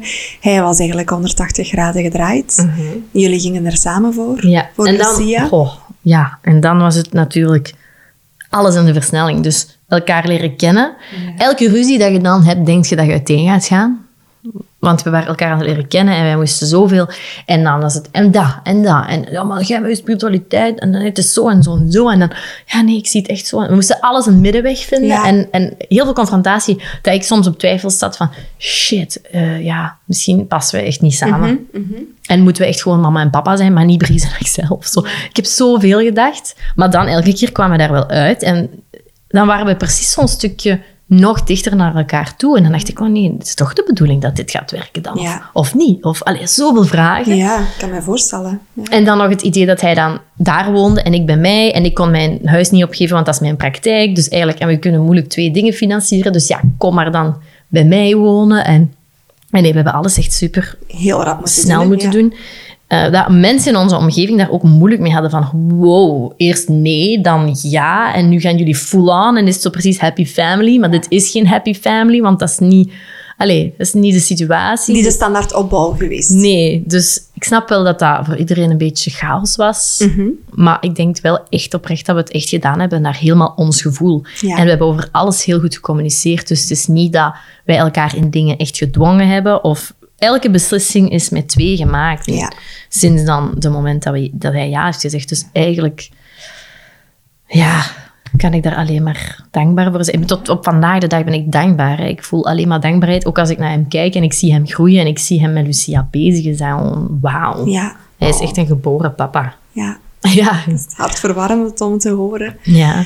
Hoe was dan het verdere verloop van die zwangerschap? Qua voorbereiding bijvoorbeeld, richting... Want ja, ik kan me voorstellen, je had allebei eigenlijk nooit actief nagedacht over mama of papa worden. Nee. Ineens ben je het dan, de realiteit heeft jullie ingehaald.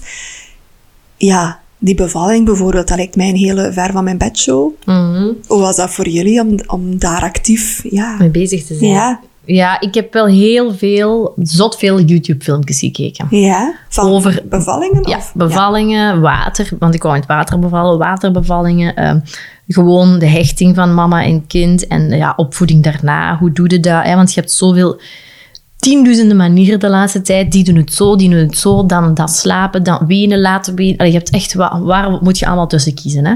Vandaar ook mijn naam, hè, buikgevoel. Hè. Ja, voilà, exact.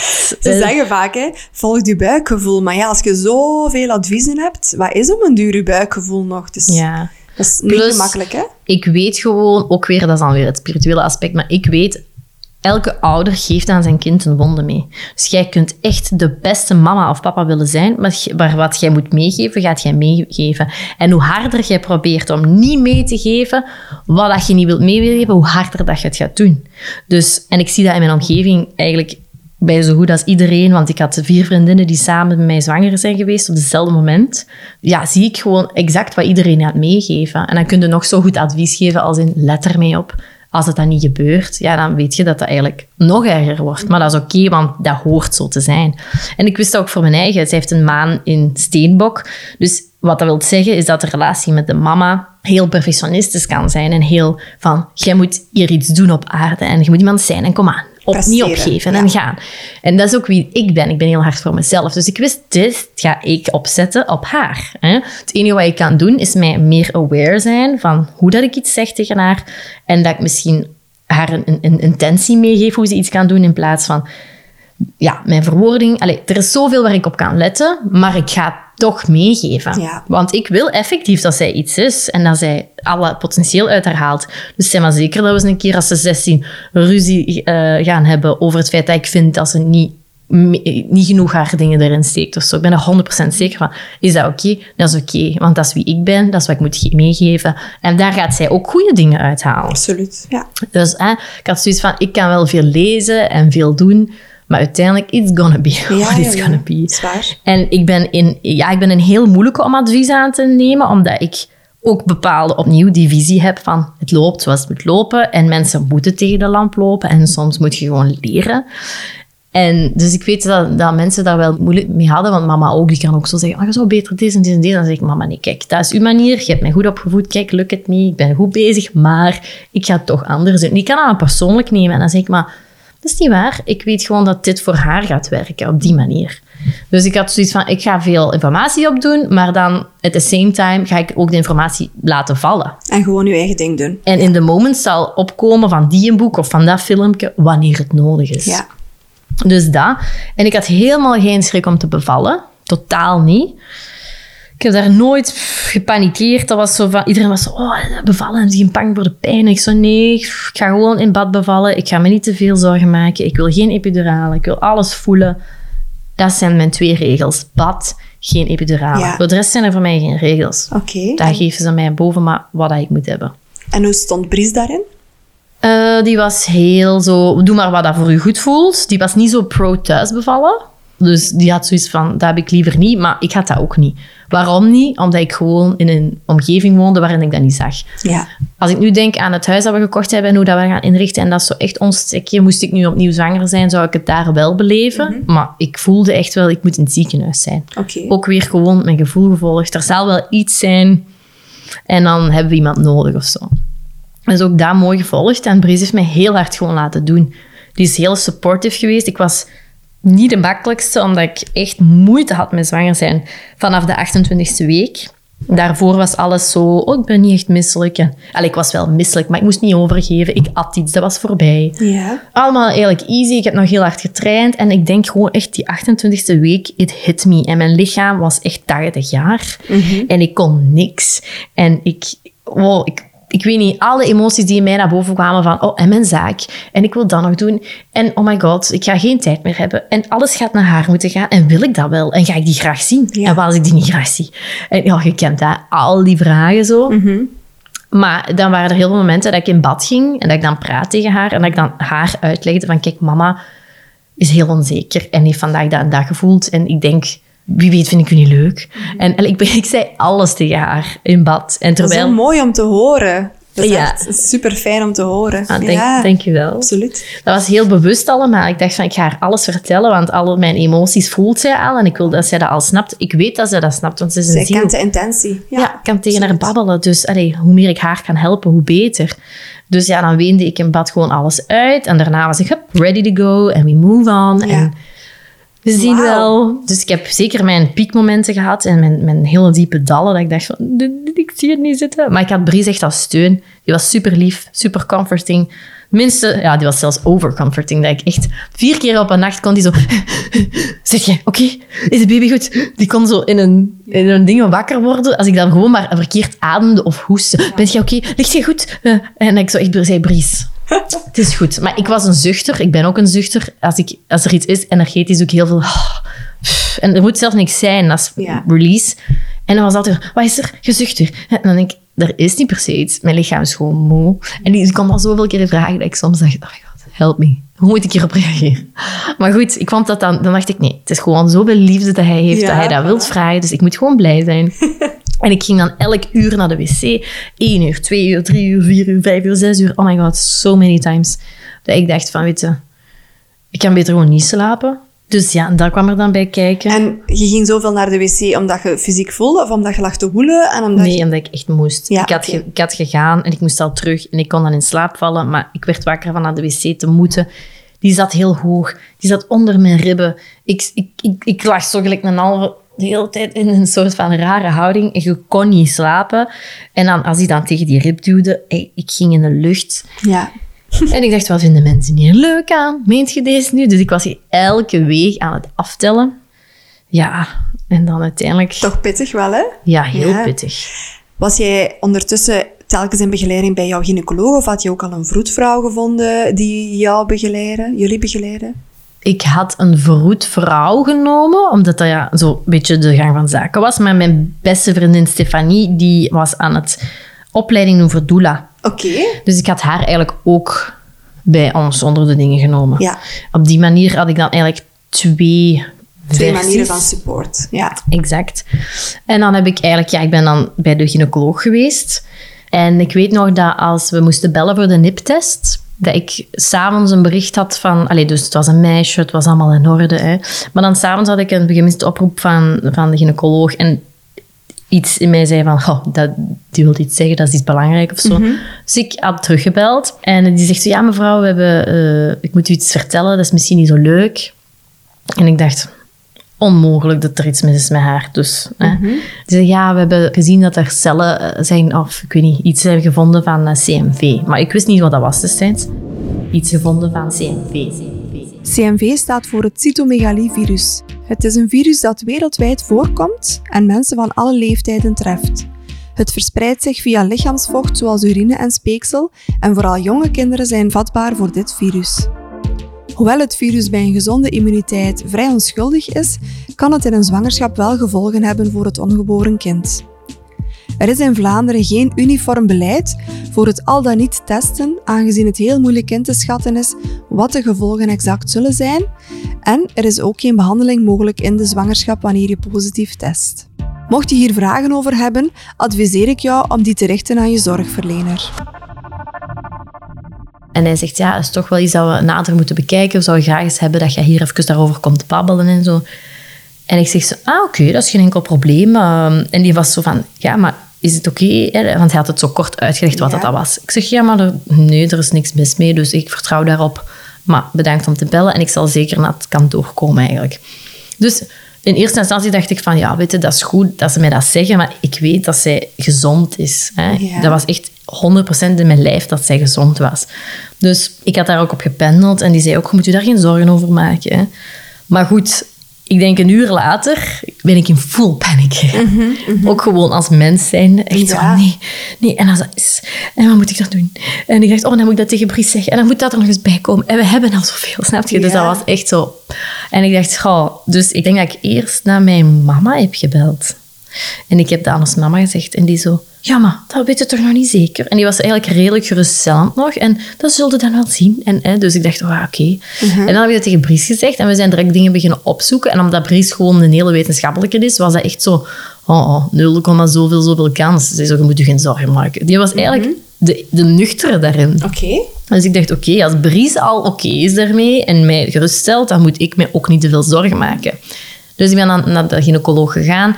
Hij legde heel het systeem uit, maar hij zei wel, mevrouw, heeft uw werkgever dat aangeduid of zo? Ik zeg zo, "Hm, nee, helemaal niet. Hij zegt, ja, want wij, wij checken dat niet meer, CMV. Hè? Dat wordt niet door de gezondheidsdienst, ik weet niet wie, Niet meer standaard terugbetaald. eh, nee, niet, niet terugbetaald, maar gewoon, dat testen ze niet. Want hij zegt, we kunnen daar niks tegen doen. Dus in principe, of we dat nu weten of niet weten, je gaat het moeten doormaken. En we zien het eigenlijk pas als het kind er is. Dus uiteindelijk, er is geen enkele dokter die dat eigenlijk mee aanduidt om te checken. Dus heb jij dat doorgegeven dat je dat wou laten checken? Ik zeg nee, ik heb echt gewoon het papier meegekregen met juist die dingen op die aangevinkt zijn, die belangrijk zijn, maar ik heb dat zelf niet zien aangevinkt staan. Zegt ja, dat is heel raar. Dus die hebben ook naar onze dokter gebeld, die heeft dat ook niet aangeduid. Dus allee, dat was kei raar en ik wist daar zat weer zoiets spiritual achter. Dus ik heb dan mijn tijd genomen om daar naar te kijken. En het was de bedoeling dat ik, dat is zo wat heel mijn leven al, dat ik omga met licht en donker tegelijk.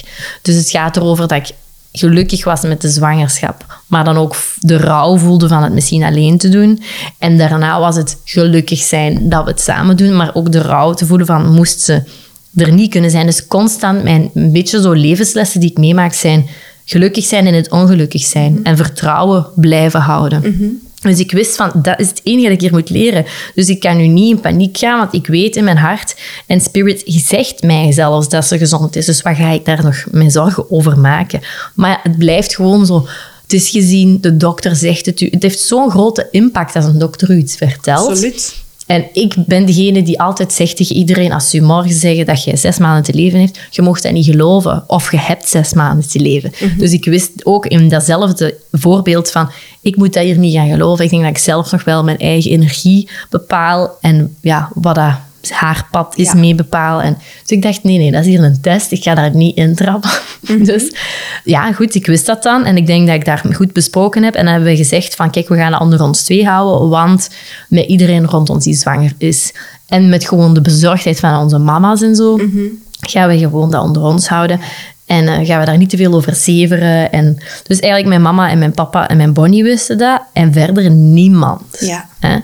En dan de, de dagen zijn gepasseerd en dan hadden ze gezegd van kijk, we gaan u naar een speciale gynaecoloog sturen. En ik denk, elke keer als ik daar kwam, zei hij, het is in orde, alles is goed. Maar hij zei wel, maakt niet uit of ik zeg of het in orde is, Nee. want ze kan er nog verkeerd uitkomen, zelfs hè, doof en... en Er kunnen gevolgen zijn, inderdaad. Hè. Ja, En we dus- kunnen echografisch niet altijd alles vaststellen. Inderdaad. En dan waren we op 32 weken. En dan zei hem ook van, ehm, het is in orde, dus ik kan niet veel meer doen voor u. Het ziet er goed uit, dus we moeten ervan uitgaan dat het goed is. Ja. Maar ehm, wat ik heb gedaan, de week dat ik dat te horen heb gekregen, ben ik naar het bos gegaan en ben ik echt de heks gaan uithangen en ben ik eigenlijk dat virus uit mijn lijf gaan doen via een ritueel. Ja. Dus ik ben gewoon naar het bos gegaan. Ik heb heel intuïtief gevoeld van wat ik moest doen. Ik heb met de bomen geconnecteerd. Ik heb de... Ja, als, ik denk als je mij had zien staan, dan had je gedacht, dat is een halve zot. Maar ik heb uiteindelijk een heel mooi ritueel gedaan. En dat was heel gek, maar ik ben weggewandeld van het bos en alles in mij zei ook van... Voilà, Het is oké. jij hebt dat geregeld. Ja. En she's fine. Ja. En het is omdat ik dat toen gedaan heb, dat ik ook zoiets had van, nu moet je echt nooit meer zorgen maken. Dus zelfs als het opkomt, dan ga je gewoon zeggen, thank you, but no. Ja. En ik heb dat eigenlijk heel de zwangerschap gedaan. Tot een bepaald moment dat we dat ook gewoon vergaten. Van, er is niks. Ja. Maar dat zit in je onderbewustzijn. Dus eigenlijk als ze er dan was... En ik denk de dag nadat wij thuis waren, dat wij de telefoon hadden allee, verwachten. En dat ze dan effectief gingen zeggen of het was of niet. En ik weet nog dat ik zo weer de voicemail had van mevrouw, we zouden u willen terugbellen. Hè, want ik was net te laat met opnemen. En ik dacht, shit, nee, ik moet hier nog 24 uur op wachten, omdat ik te laat was om mijn gsm op te nemen. Dus uiteindelijk bel ik terug. Die zegt, ja, ja, eh, ik wil gewoon zeggen dat alles in orde is. En ik ben echt vol tranen geschoten. Ook al wist ik in mijn lijf van, she's fine. Maar het werd gewoon nog eens Die bevestiging was puur geluk. Ja. En daarmee, het was al een heftige zwangerschap, maar dan dat er nog eens bij. Ja. En ik dacht echt, manneks, deze kan toch niet meer. Maar ik wist wel, oké, test. Nou, test, ik heb dit zelf gekozen. Ik ben een sterke ziel, ik kan dit. Hè. Ja. Eh, en ik vond het gewoon super mooi. En ik, ik had eigenlijk dat niet verwacht dat Bries eigenlijk er zo oké mee omging. Die heeft Ja. echt zo naar de cijfers gegaan. Die heeft zo het onderzoek bekeken en die zei van, kijk, dat is echt heel minim. Dan hebben we gewoon echt heel veel ongeluk zijn. Zo. Dus, Ja. dus laten we ons gewoon focussen op positieve. Hè? Ja. En eh, ik denk dat we, ja, dat we daar wel onze kracht... En dat heeft ons ook als koppel, denk ik, ook wel dichter bij Ja. elkaar gebracht. Van, zo van, dat is ons geheimpje eigenlijk, maar Ja. wij geloven dat dat goed komt en we gaan daar niemand bij betrekken. En dan, dan is dat in orde. Want ik, ik weet gewoon, als je mensen dat zegt, dat leeft in mensen een hoofd, dat is energie dat gestuurd wordt naar dat probleem dat negatief is. Wie weet kan dat dan ook een negatieve uitkomst hebben. En je gaat mensen weer opzadelen met zorgen dat niet hun zorgen zijn. En ik wil niet dat mensen daarmee bezig zijn, dat is mijn zorg. Ja. En ik dacht ook, oh, allee, wie- hoe, hoe komt... Ik had het liever Waarom? niet geweten. Why? Ja. Ja. Want uiteindelijk, dat is ook wat de dokter zei, het is erg, maar als er nu niks is, dan is uw zwangerschap een beetje verpest, zegt. Want daarmee dat we het niet aanduiden op papier, want we gaan daar mensen een mooie beleving mee afnemen. Hè? Dus ik dacht echt van, allee, waar moet ik dat nu... Maar ik snap echt exact waarom dat het gekomen is. Dus ik had er ook wel vrede mee. Ja. Ehm, ja, maar ja, het was wel pittig nog. Ja. Dus die, die dingen, ja, dat was dan nog eens extra daarbovenop. Maar dan eigenlijk, ik zeg het, het zwaarste voor mij vond ik echt nog gewoon het afzien. Het fysieke afzien en, en me slecht voelen en denken van shit, mijn leven. En wie ben ik nog? Ja. En, en ja, mijn lichaam veranderde ook. Ik ben personal trainer. Ja, ik ben altijd... vragen. Ja, je bent altijd super afgetraind, super strak. Dat is wel een transformatie dat je doorgaat. Ja, ik moest me echt neerleggen bij mijn lichaam dat nu eens controle Ja. had. Terwijl dat ik vroeger de controle had. Hè. Ja. wat dat je ook doet, die vormen veranderen. Ja. En op zich, ik vond mij super mooi zwanger. Ik ben, kei, echt, ben zo blij dat ik zo'n schone buik had. En ik ben, niet, ik ben 15 kilo bijgekomen en echt Heel gemiddeld, heel, heel, oké. je zag er niet veel aan. En, en ik weet nog, als ik daar dan... Ik was dan bevallen en dan als mijn buik terug plat was, dat was direct zo instant zo... Nee, dat is weg. Ik kon dat niet geloven dat zo'n huge belly Mhm, in één keer weg was. Ja, Dus ja. oké. We gaan een beetje terug in de tijd dan weer, hè, maar je was dan in die zwangerschap. Je hebt dan die opvolging gekregen bij de gynaecoloog. Je vertelde ook van je vriendin die een doula-opleiding aan het volgen was. Een doula, was dat iets waar dat je eigenlijk ooit al van gehoord had? Eh, eigenlijk gewoon doorheen het proces van te weten te komen over bevallen en over alle filmpjes dat ik eigenlijk en de boeken die ik had gelezen. Hè. Dus daardoor en dan wel, ah ja, oké, een doula, die doet het meer op mijn manier, hè, zo het natural way. En, Dus ik was helemaal supportive daarvan en ik wou dus effectief haar wel aan mijn zijde, want ik wou als er iets misging, dat ik zo die, die kant ook wist. Want Ja. ik, ja, je weet dat, dat is zo wat ziekenhuis, bandwerk en... eh, We proberen dat niet Ja. zo te laten, maar het is een ziekenhuissetting, ja. Ah, wel, het is dat. Jij doet dat met hart en ziel. En er zullen er nog zijn die dat met hart en ziel Absoluut, doen. Maar ja. van hogeraf wordt het niet zo bekeken. En is het wel zo, de volgende. En het is effectief zo. Allee, de verhalen dat ik dan soms hoorde, dat ik dacht van, maar dat kan toch niet, dat hij u zomaar aan uw lot of zo overlaat. Of zo, ah ja, oh, de voetvrouw is weg. Ja, doe het nu maar met de deze. Dat is al van, wat? Ja. Dat is wel een proces, hè, mannetjes. Dus de- omdat ik dat wist, had ik zoiets van, ja, ik moet dat hier wel echt goed gaan begeleiden. Ja, goed aanpakken. Iemand die ons mee ondersteunt. Ja. Dus ik had dan gewoon gezegd van, zie, als ik naar het ziekenhuis vertrek, bel ik jou. Jij mag dan ook naar daar komen en we zien wel. En ik denk, ja, ik was zo blij dat mijn water gebroken was. Halleluja. Ik Dus die arbeid is begonnen met eh, de vliezen die eerst scheurden. ja, ik was echt aan het wachten, aan het aftellen. Was je al u rond de 40 weken? Nee, 39 in één dag. Oké. Ik weet nog dat ik zo 37 weken was en ik was ach, kom gewoon, kom gewoon. Maar uiteindelijk was ik dan ook zo, nee, nee, je bent nog niet klaar. Blijf maar zitten. Zo heel de tijd in mijn hoofd. Ambivalent, ja. ja. Oh man. En dan, ja, het was 39 weken. Ik was met mijn vriendin op stap. En in één keer voelde ik gewoon zo, wat precies ja, pipi of zo. Hè. In één keer zo water. En ik zo, is het dit? En ik was echt, oh, ik hoop dat het dit is. en, en, en zo vijf minuutjes later nog een beetje. Ik zo, hm, ik denk dat het dat is. Dus het was drie uur 's middags. Ik bel naar Bries. Ik zeg, Bries, ja, mijn water is gebroken. Eh, maar geen probleem, ik blijf thuis en we regelen wel. We zien wel hoe de dag verloopt. En als ik voel dat ik naar het ziekenhuis moet, gaan we en anders. hè. En hij zo, ah ja, oké, ja, als er iets erg is, hè, bel maar, want wij zijn nu daar, dus ik moet wel nog zo lang rijden. Hè. Dus uiteindelijk zei ik zo, weet je, werk maar door. Zo rap gaat dat niet komen, dus oké. Ik ben thuisgekomen, ik ben pannenkoeken beginnen bakken, want ik dacht, ik ga hier moeten pushen. We gaan eten, hè. Ja. En zien dat ik wat gevuld ben. En eh, ik heb dat dan nog zo wat gevlogd van, hallo, ik ben pannenkoeken aan het Oh. bakken. Mijn water is gebroken. Eh, en ik dacht, ik ga chill blijven. Ik ga gewoon blij zijn, want ik ben blij, want die komt eindelijk. Dus ik dacht, hm, morgen vroeg heb ik die vast. Hè. En dan heb ik mijn valies nog eens goed nagekeken. Ik denk dat ik nog wat filmpjes heb gezien van, van mijn bevallingen. Ben ik in de zetel gaan zitten. Eten gemaakt voor Bries die thuis kwam. Het was dan zo Gert Late Night nog op tv. We hebben dat nog gekeken. Ja. Ik ben mijn, mijn weeën beginnen timen. En Ja, ik- want had je onmiddellijke contracties ook? Mm, om- dus om, om drie uur 's middags is mijn water gebroken. En tegen half vijf had ik een eerste wee. Oké, dat is vlot. Ja. Ehm, en dan ja, zijn die weeën wat begonnen. En dan in één keer was dat zo echt al om de vier, vijf minuten. Maar ik dacht, eh, het is niet zo hevig in pijn, dus eigenlijk zal het nog niet ver zijn. Gewacht, gewacht. In de zetel gezeten, gelachen. Hij heeft mijn voeten nog gemasseerd. Super. Ehm, Daar zitten goede drukpunten om hun arbeid goed op gang eh, ja, en, dan was ik zo, oei, mag hem nu eigenlijk mijn voeten effectief wel masseren? En ik kan hem niks verkeerd doen. En dan dacht ik, nee, laat het. Hè. Laat die zorgen gewoon. En dan was ik zo aan het timen, dat hij in één keer trager werd. Ja. En Bries zo, Axel, nu gaat we dat wegleggen en gaan we gewoon in de zetel zitten. En laat dat doen. En we zien. Geef er u aan over, ja. En dan en, en Doula dan, die zo, allee, je zit dat hard aan timen en je zet veel te veel dingen aan het kweken. Dat hoeft niet, chill gewoon. Ik zei, oké, oké, maar ik wou het dan goed doen. En ik denk dat het tien uur was en ik had zo'n harde wee. En ik ben daar zo van verschoten, dat ik dacht, wow, is dit het begin? Dan ga ik dood. Echt waar, dat dacht ik echt. En eh, in één keer nog een andere, nog een andere. En ik zat in die zetel echt zo, oh nee. Dus het was full-on vanaf dat Ik moment. moet nu naar het ziekenhuis. En ik ben ook in een paniek gegaan. Van de, de paniek die dat dus ik van alle boeken en filmpjes hè, niet hebben. Gewoon in de mooie oxytocine blijven. Ik dacht, de hel daarmee, dat gaat nu niet meer. Ehm, dus ik, ik pak mijn valies snel en Bries zo, wow, wow, ik moet nog naar het wc. En ik zo, Bries, nee, ik ga bevallen. Dat gaat er nu uitvallen. En hij zo, zeg, dus juist zo'n dingen. En nu, nu gaat dat ook niet gebeuren. Ik ga nog naar het wc op mijn gemak. dus ik zat er echt zo, oh nee, shit. Dus wij in de auto. En ik weet, als ik zwanger was, ben ik een, een behandeling gaan doen. Een energetische behandeling met een vriendin. Ik ben er heel sceptisch op, op wie dat ik vertrouw, omdat ik zelf het werk doe, hè, dat, bij wie dat ik terechtkom. En ik weet nog dat, dat ik toen tegen haar heb gezegd, dat ik doorgekregen had tijdens die energetische healing, dat Lucia iets uit mijn baarmoeder gaat meenemen tijdens de bevalling, hè, want dat is wat een baby doet, brengt healing, dat, dat ik niet geheeld krijg zelf, dat zij mee komt doen. En dat gaat zo heftig zijn, dat ik niet weet wat ik ga meemaken. Maar niet fysiek, maar Mentaal, emotioneel en ja. mentaal.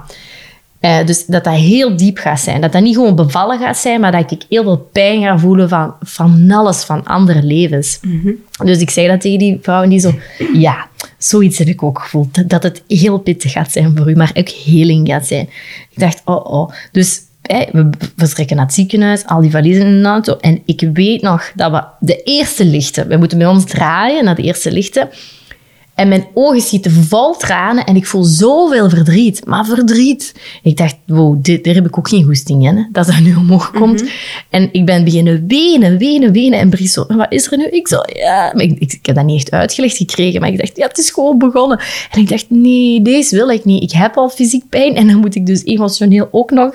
Maar oké, goed, we gaan het toelaten. En dan heb ik daar zitten wenen. En die, dat was zo een intense wee. En toen besefte ik van, oké, we gaan hier iets doen, Axel. Het is belangrijk dat je dat gewoon allemaal laat gebeuren. En tegen dat we dan bijna daar waren, ik was de hele tijd tegen harder harder. Want ik dacht echt dat hij eruit ging vloepen. Terwijl ik wel wist dat dat niet kon. Maar toch, dat was zo intens. Ja. Dus ik kom daar aan met zoveel pijn. En die vrouw zo, oei, gelijk jij hier staat, eh, ja, we gaan u brengen, want het zal, je zult al wel ver zijn. En ik dacht, ik weet dat niet. Ik heb echt geen flauw benul.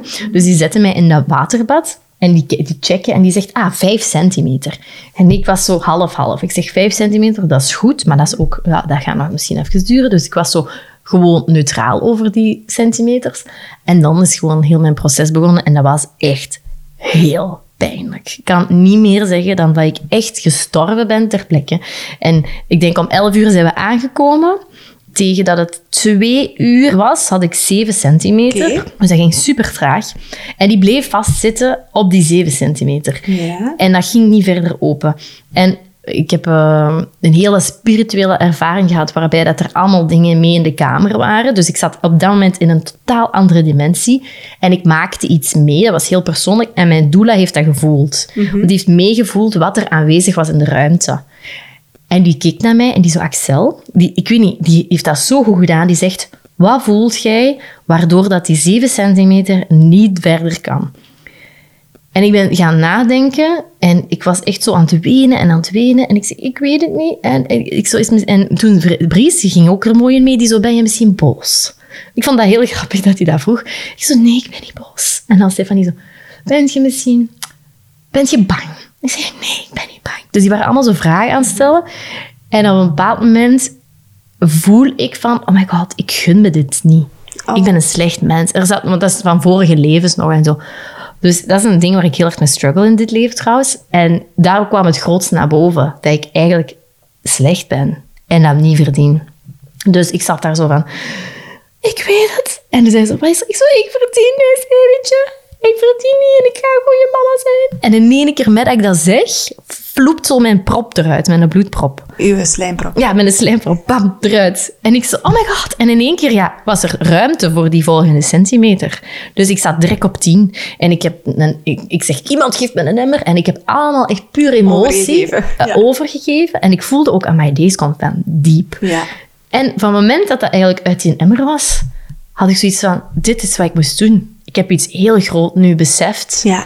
En da- daardoor kon dat niet opengaan eigenlijk. Dus er zit zoveel Er zat een blokkade blokkade in de weg. Ja. tijdens een bevalling, heel veel vrouwen zich niet van bewust zijn eigenlijk. En dan misschien zo, allee, doe maar epiduralen of weet ik veel. Maar je beleeft niet wat je moet beleven. Dus je moet tijdens bevalling ook wel graven. En eh, dat vond ik zo mooi. Ja. Wauw. Ik was helemaal zo van mijn melk. En dan, oké, 10 centimeter. Maar dan was het eigenlijk zo van, oké, ze kan komen. Dan was het drie uur. Die kwam niet, hè. Die geraakte niet uit die cirkel, 10 centimeter. Lukte niet. En had je persdrang al? Dat is het hele ding. Ik was continu, mijn lijf was aan het persen. Ja. En de vroedvrouw zei, niet persen. En mijn doula zei, uw lichaam wil persen, persen. En ik zat daar zo, weer, yin en yang. Wat doe ik hier? Ja. Licht en donker. Je kunt dat niet tegenhouden vaak hè, als je persdrang hebt. Nee, ik vond dat echt moeilijk, want eh, die zei dan ook, ja, want je, je kunt dan openscheuren en zo. Ik zeg, maar, ik was echt boos. Hè. Ik zeg, maar laat me doen. Hè, want iedereen was tegen mij bezig en ik had zoiets van, zwijg allemaal. Want ik was, ik was bij elke wee aan het roepen, alsof dat ik...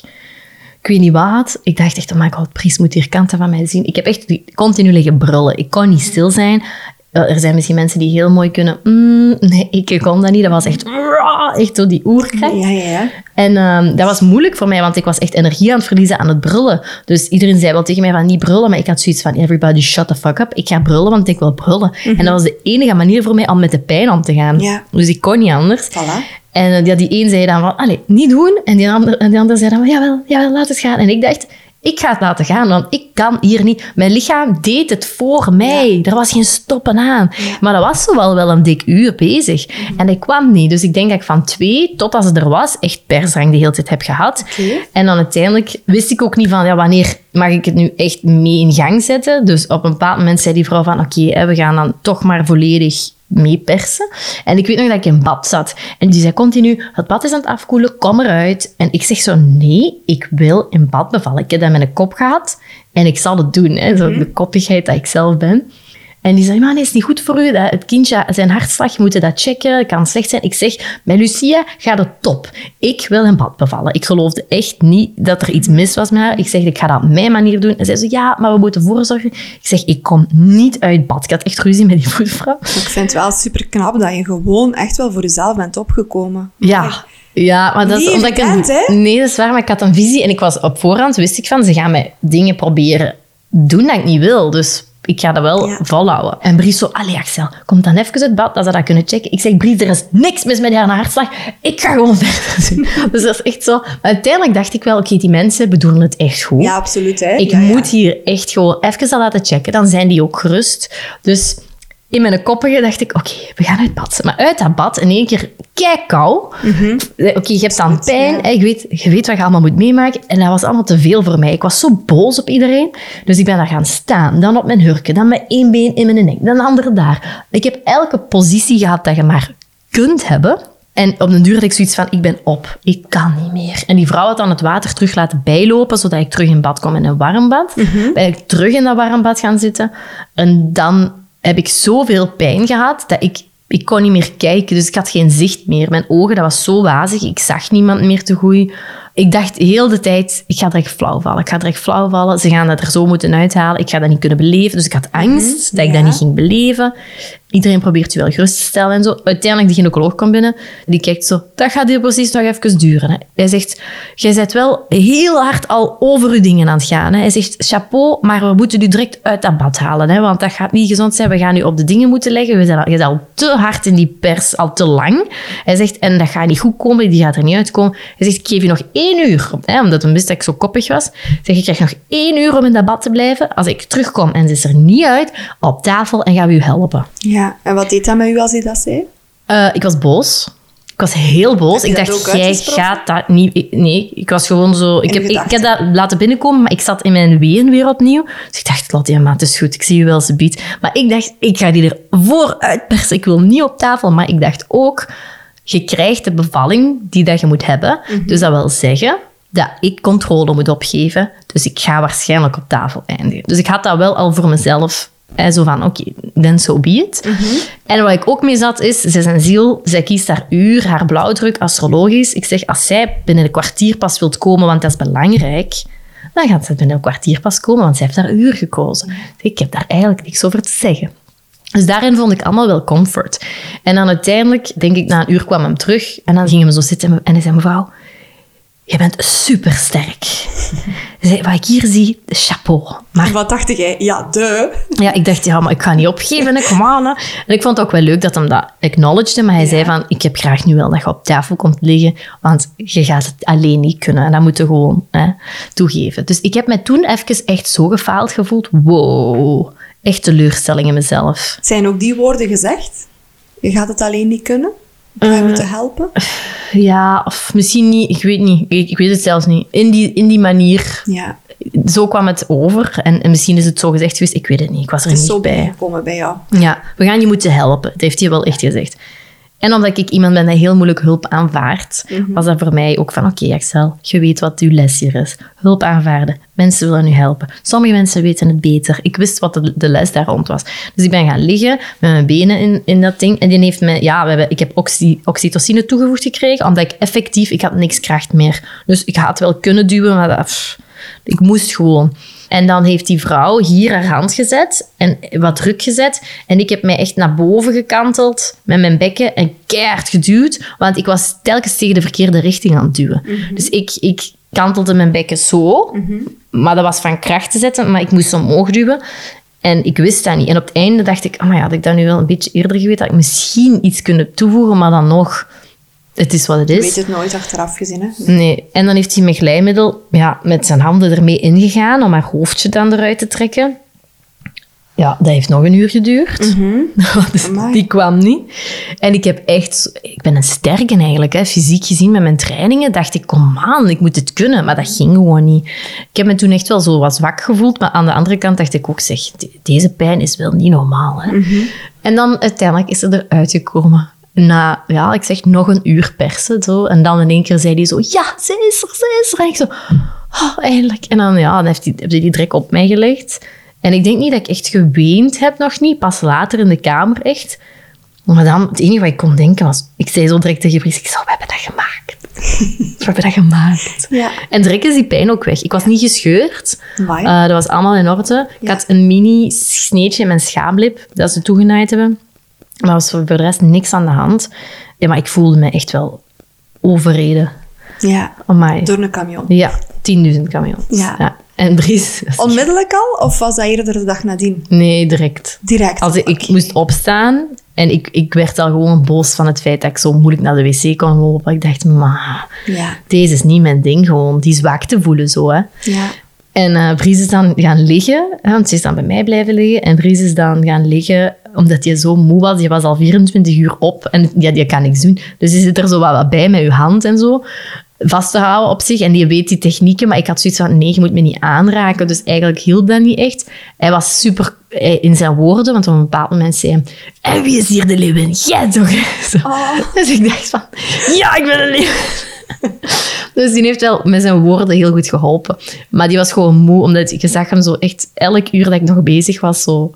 Dus ik zeg, leg je maar neer. Die is direct in slaap gevallen. heeft een uurtje geslapen en dan zei die vrouw van, ja, de kamer is klaar, jullie mogen naar de kamer komen.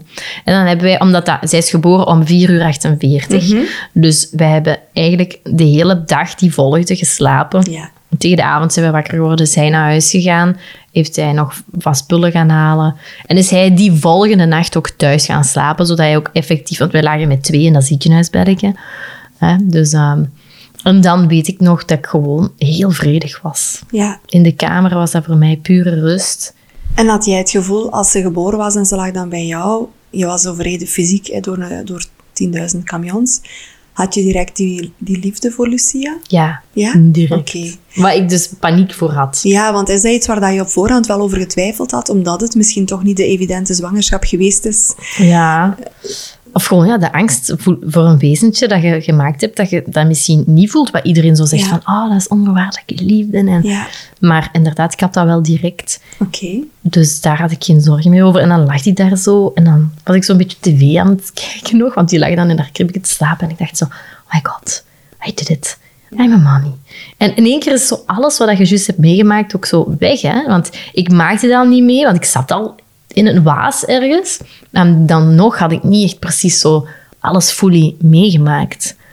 Dus ja, dat was wel even... En dan heb ik heel veel ook wel geweend. Ik weet nog dat ik dus niet heb geweend die avond tot op de kamer en totdat mijn vriendin stuurde... Oh my god, ze is een leeuw ascendant. Want ze is een maagd, ze is geboren op 15 september. Ja. Maar ik weet niet, dat deed mij zoveel dat zij een leeuwtje is. Want ik ben een leeuw Ja. en haar ascendant is leeuw. En ik vond dat zo mooi, omdat ik nooit verwacht had dat dat zou gebeuren of zo. Ik weet niet, dat heeft mij echt in mijn hart geraakt. En ik zo, oh my god, ze is een leeuwtje. En dan ben ik heel beginnen wenen. En dan zijn mijn emoties echt kunnen gaan stromen. Maar zo van geluk en liefde en zo. Echt zo blij. Dus eh, Wauw. ja. Hoe waren die dagen verder op de materniteit?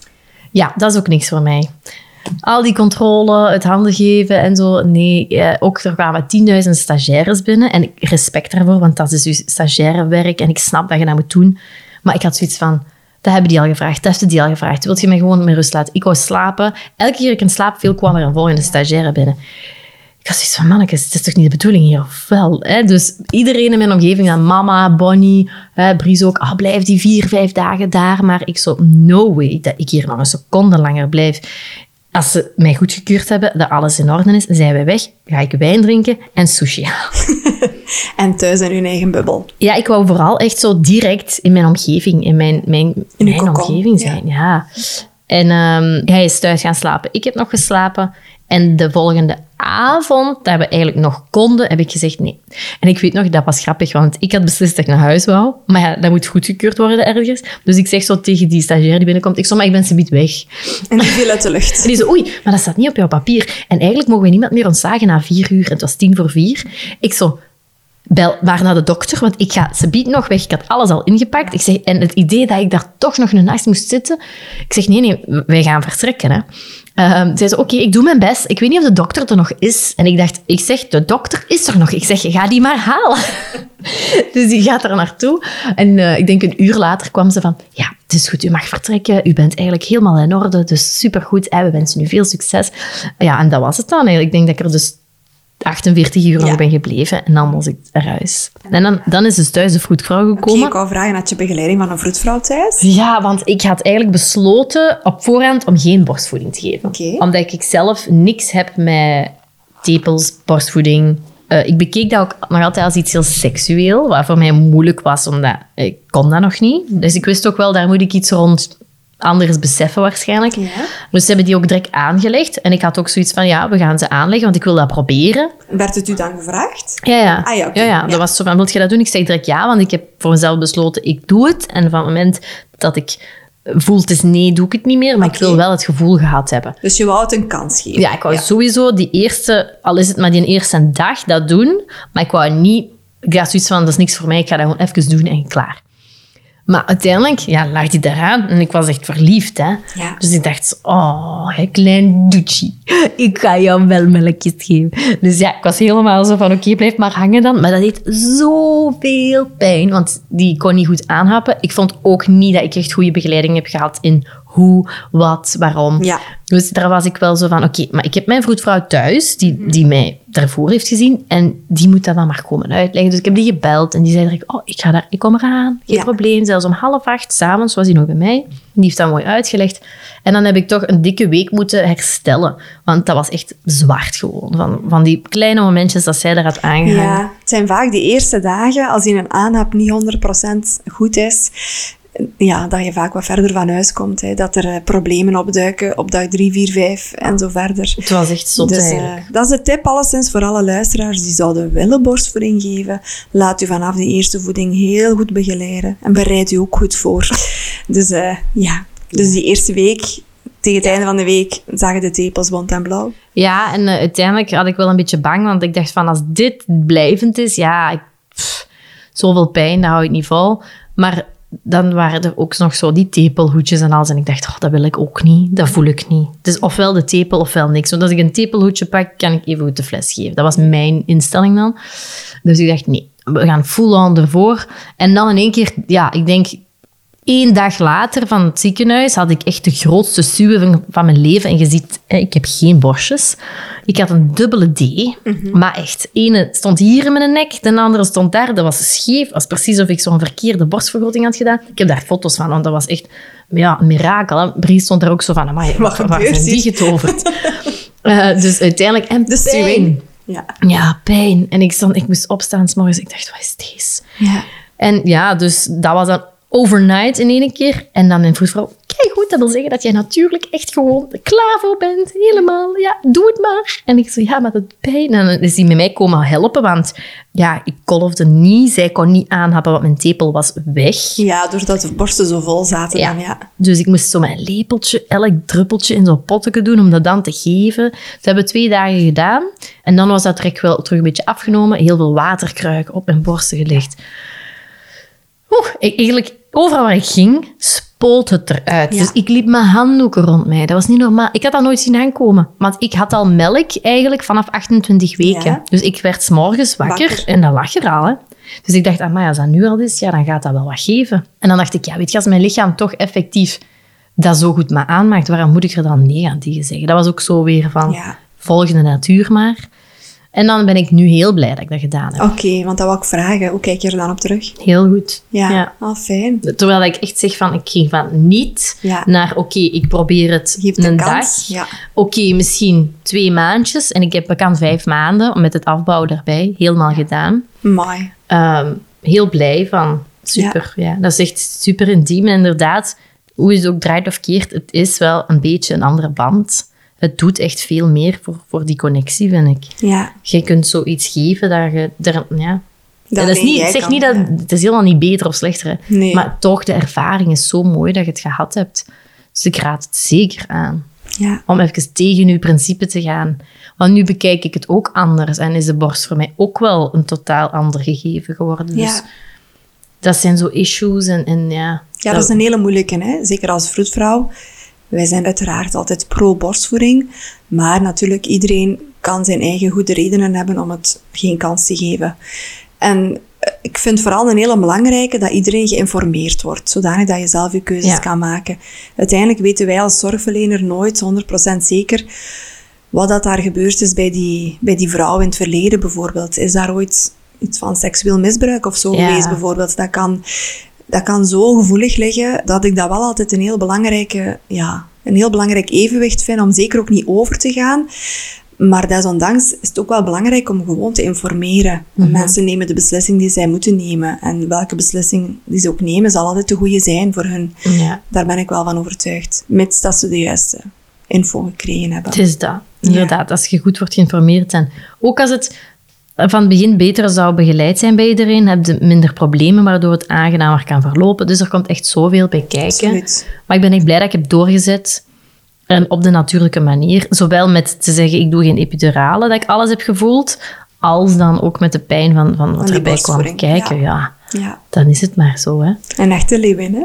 Ja, een echte leeuwin. Maar ja, dat wil niet zeggen dat het niet gewoon allemaal heel hard geweest is. Hè? Dus, en dat is ook wel waarom dat ik... Als, ik vind dat zo raar, want daarvoor konden zo aan mensen vragen... En hoe was de bevalling? Ja, zwaar. Ja, lang. Oh nee, makkelijk. Hè? Dus rap, rap gedaan. Maar niemand zegt eigenlijk gewoon...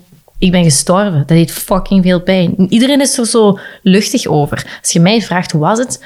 I died. En dan denk ik, waarom heeft niemand mij ooit gezegd dat het zo hard ging zijn? Ja.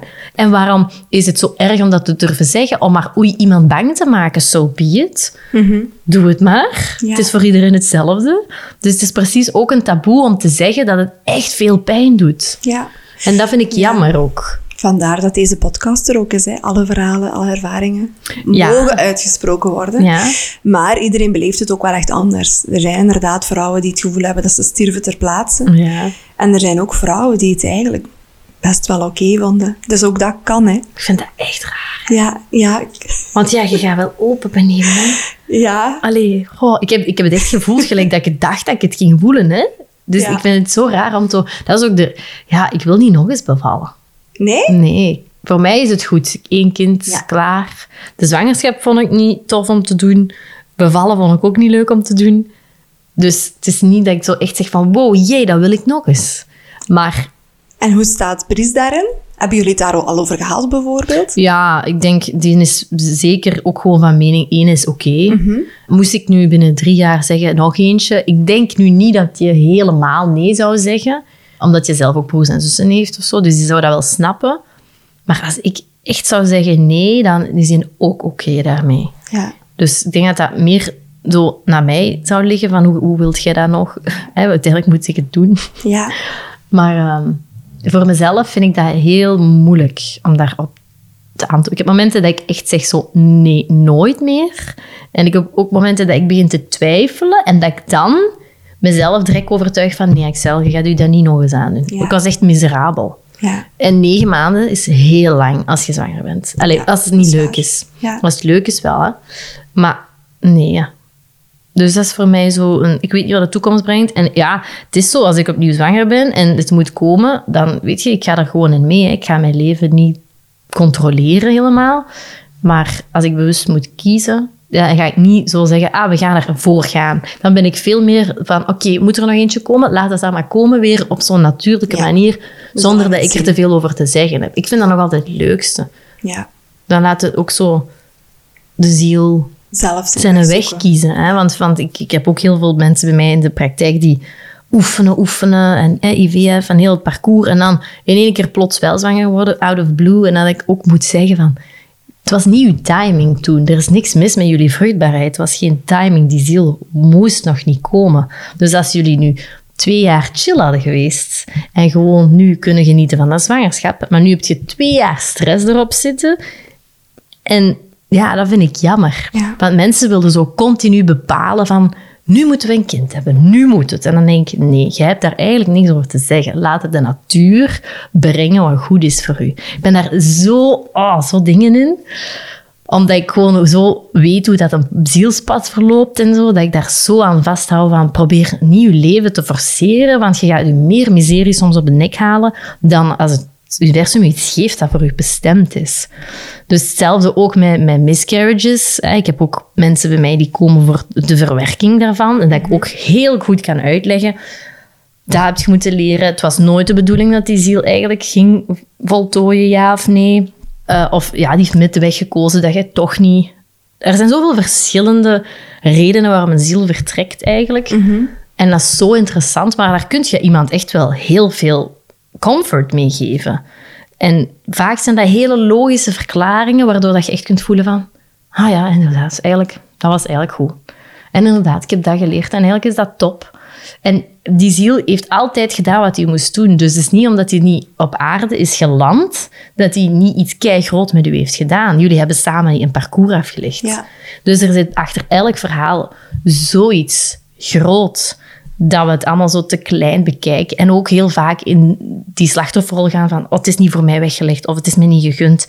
En soms misschien datgene zouden we moeten healen voordat we zwanger kunnen worden zelfs. Ja. En, het en zo kan ik echt 10.000 voorbeelden geven. En daarom vind ik dat gegeven van hè, het leven controleren en zwangerschap en zo wel leuk om mensen te zeggen van kijk, daarvoor kun je ook bij mij terecht. Want dan kan ik u een, ander, ja, een andere kant van het Een verhaal andere laten kijk zien. geven. Ja. Ja. Ja. Want ik kan me voorstellen dat je ook wel op veel weerstand botst. Zeker als je dan mensen hebt die inderdaad in zo'n traject zitten. Of waarbij dat er inderdaad problemen zijn vastgesteld. En dat het inderdaad op die natuurlijke manier niet zou lukken. Ik denk wel dat dat mensen zijn die niet zomaar bij mij, allez, mij over een feed gaan zien passeren. Als je me ziet passeren en het gaat over zoiets, dan gaat het u moeten triggeren. En ofwel gaat u voelen, ah, ik moet bij Axel zijn, want ik heb, ik heb iets meegemaakt. Of het gaat u moeten triggeren in uw boosheid. En dan gaan kijken van, hm, waarom vind ik niet leuk dat die dat boosheid? Ja. Ja. En dan nog zal het iets met u doen. Misschien zit het te koppig om tot bij mij te komen. Of misschien gaat het intern iets zelf bij u in gang zetten. ja. Ik geloof echt keihard dat alles altijd op het juiste moment komt. Ik heb overlaatst ook een post gedaan over endometriose en zo. En de- alles wat daarachter zit. Ik wist dat ik daar heel veel mensen mee tegen de borst ging stoten. Er was één meisje specifiek die stuurde... Ik heb u gehaat als je dat gepost hebt, zei ze. Ik had echt zoiets van, wie denkt jij dat je bent? Zegt, maar we zijn nu een aantal maanden later... En ik begrijp helemaal waar dat jij komt. En ik ben heel dankbaar dat ik uw post heb gezien. En nu begrijp ik uw post. Ja. Ja. En ze zei, ik wou dat even meedelen, want waarschijnlijk zijn er nog mensen Ja, die dat ook gaan hebben. En mij raakt dat niet persoonlijk. Ik denk gewoon van, wauw, dank u. Dat is wat het moest doen. Want ik krijg dat ook mooi gegidst op een maandag van, bam, die post, nu, stuur het maar, zet het maar. En dat schrijft zo vlot. Twee dagen daarvoor had ik nooit niet erop gekomen misschien, of zelfs de woorden niet gevonden. Ja. Dus vaak is dat echt zo in de juiste moment. En dan komt dat ook bij jou terecht, ja of nee, als je dat dan nodig hebt. En misschien zie je het nooit, omdat het niet pad is.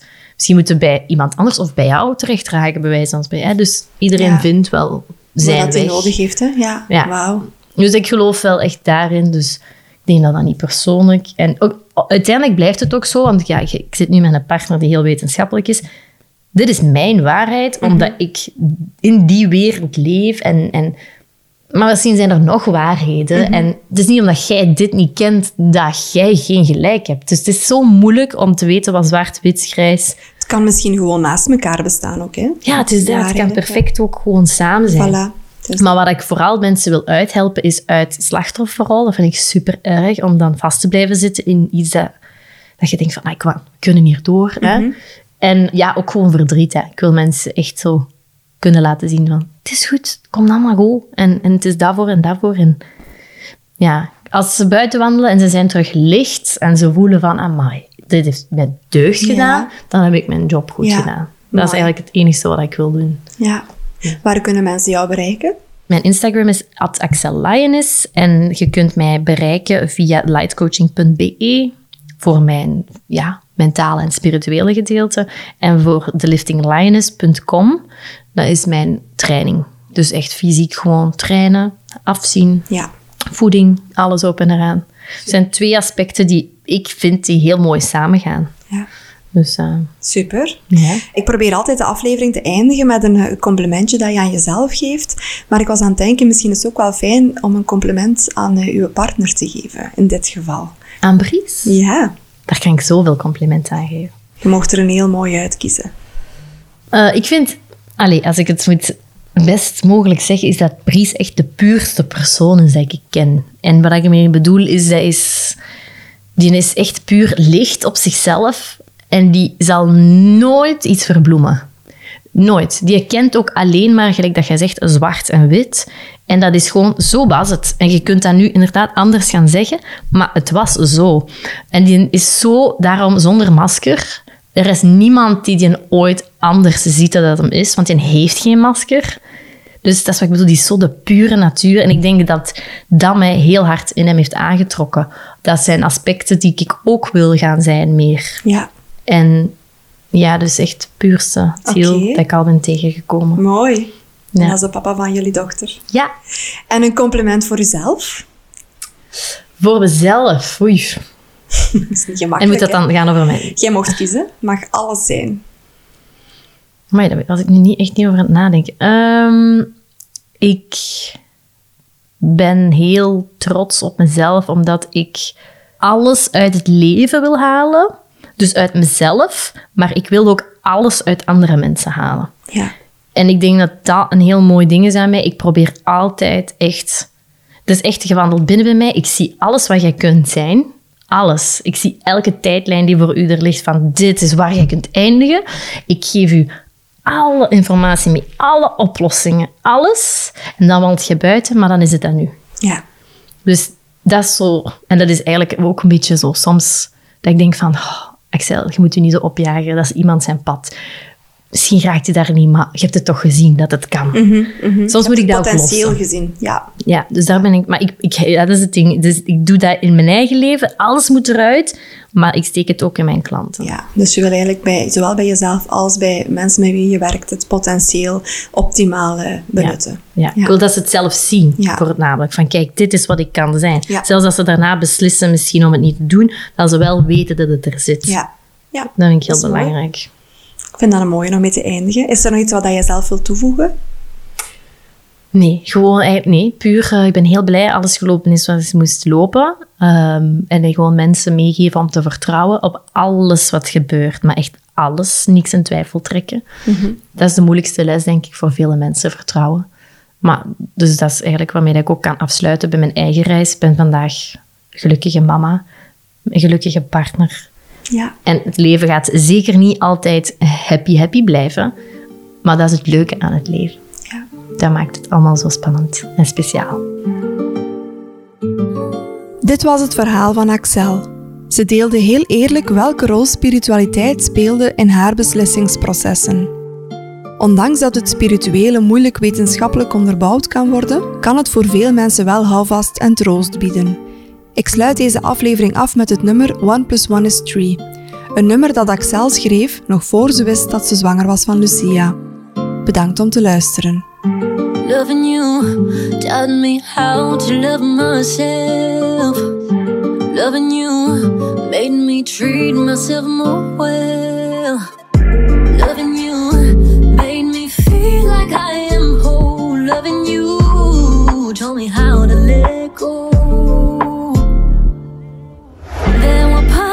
I didn't acknowledge. There were parts of me I didn't wanna hold. And then you came around and showed me what real love feels like. You made it easier for me to love my soul.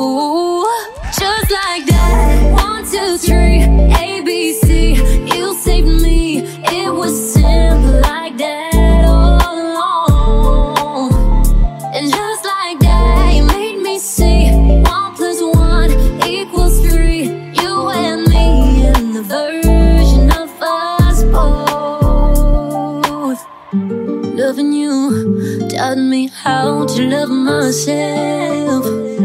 Loving you made me treat myself more well.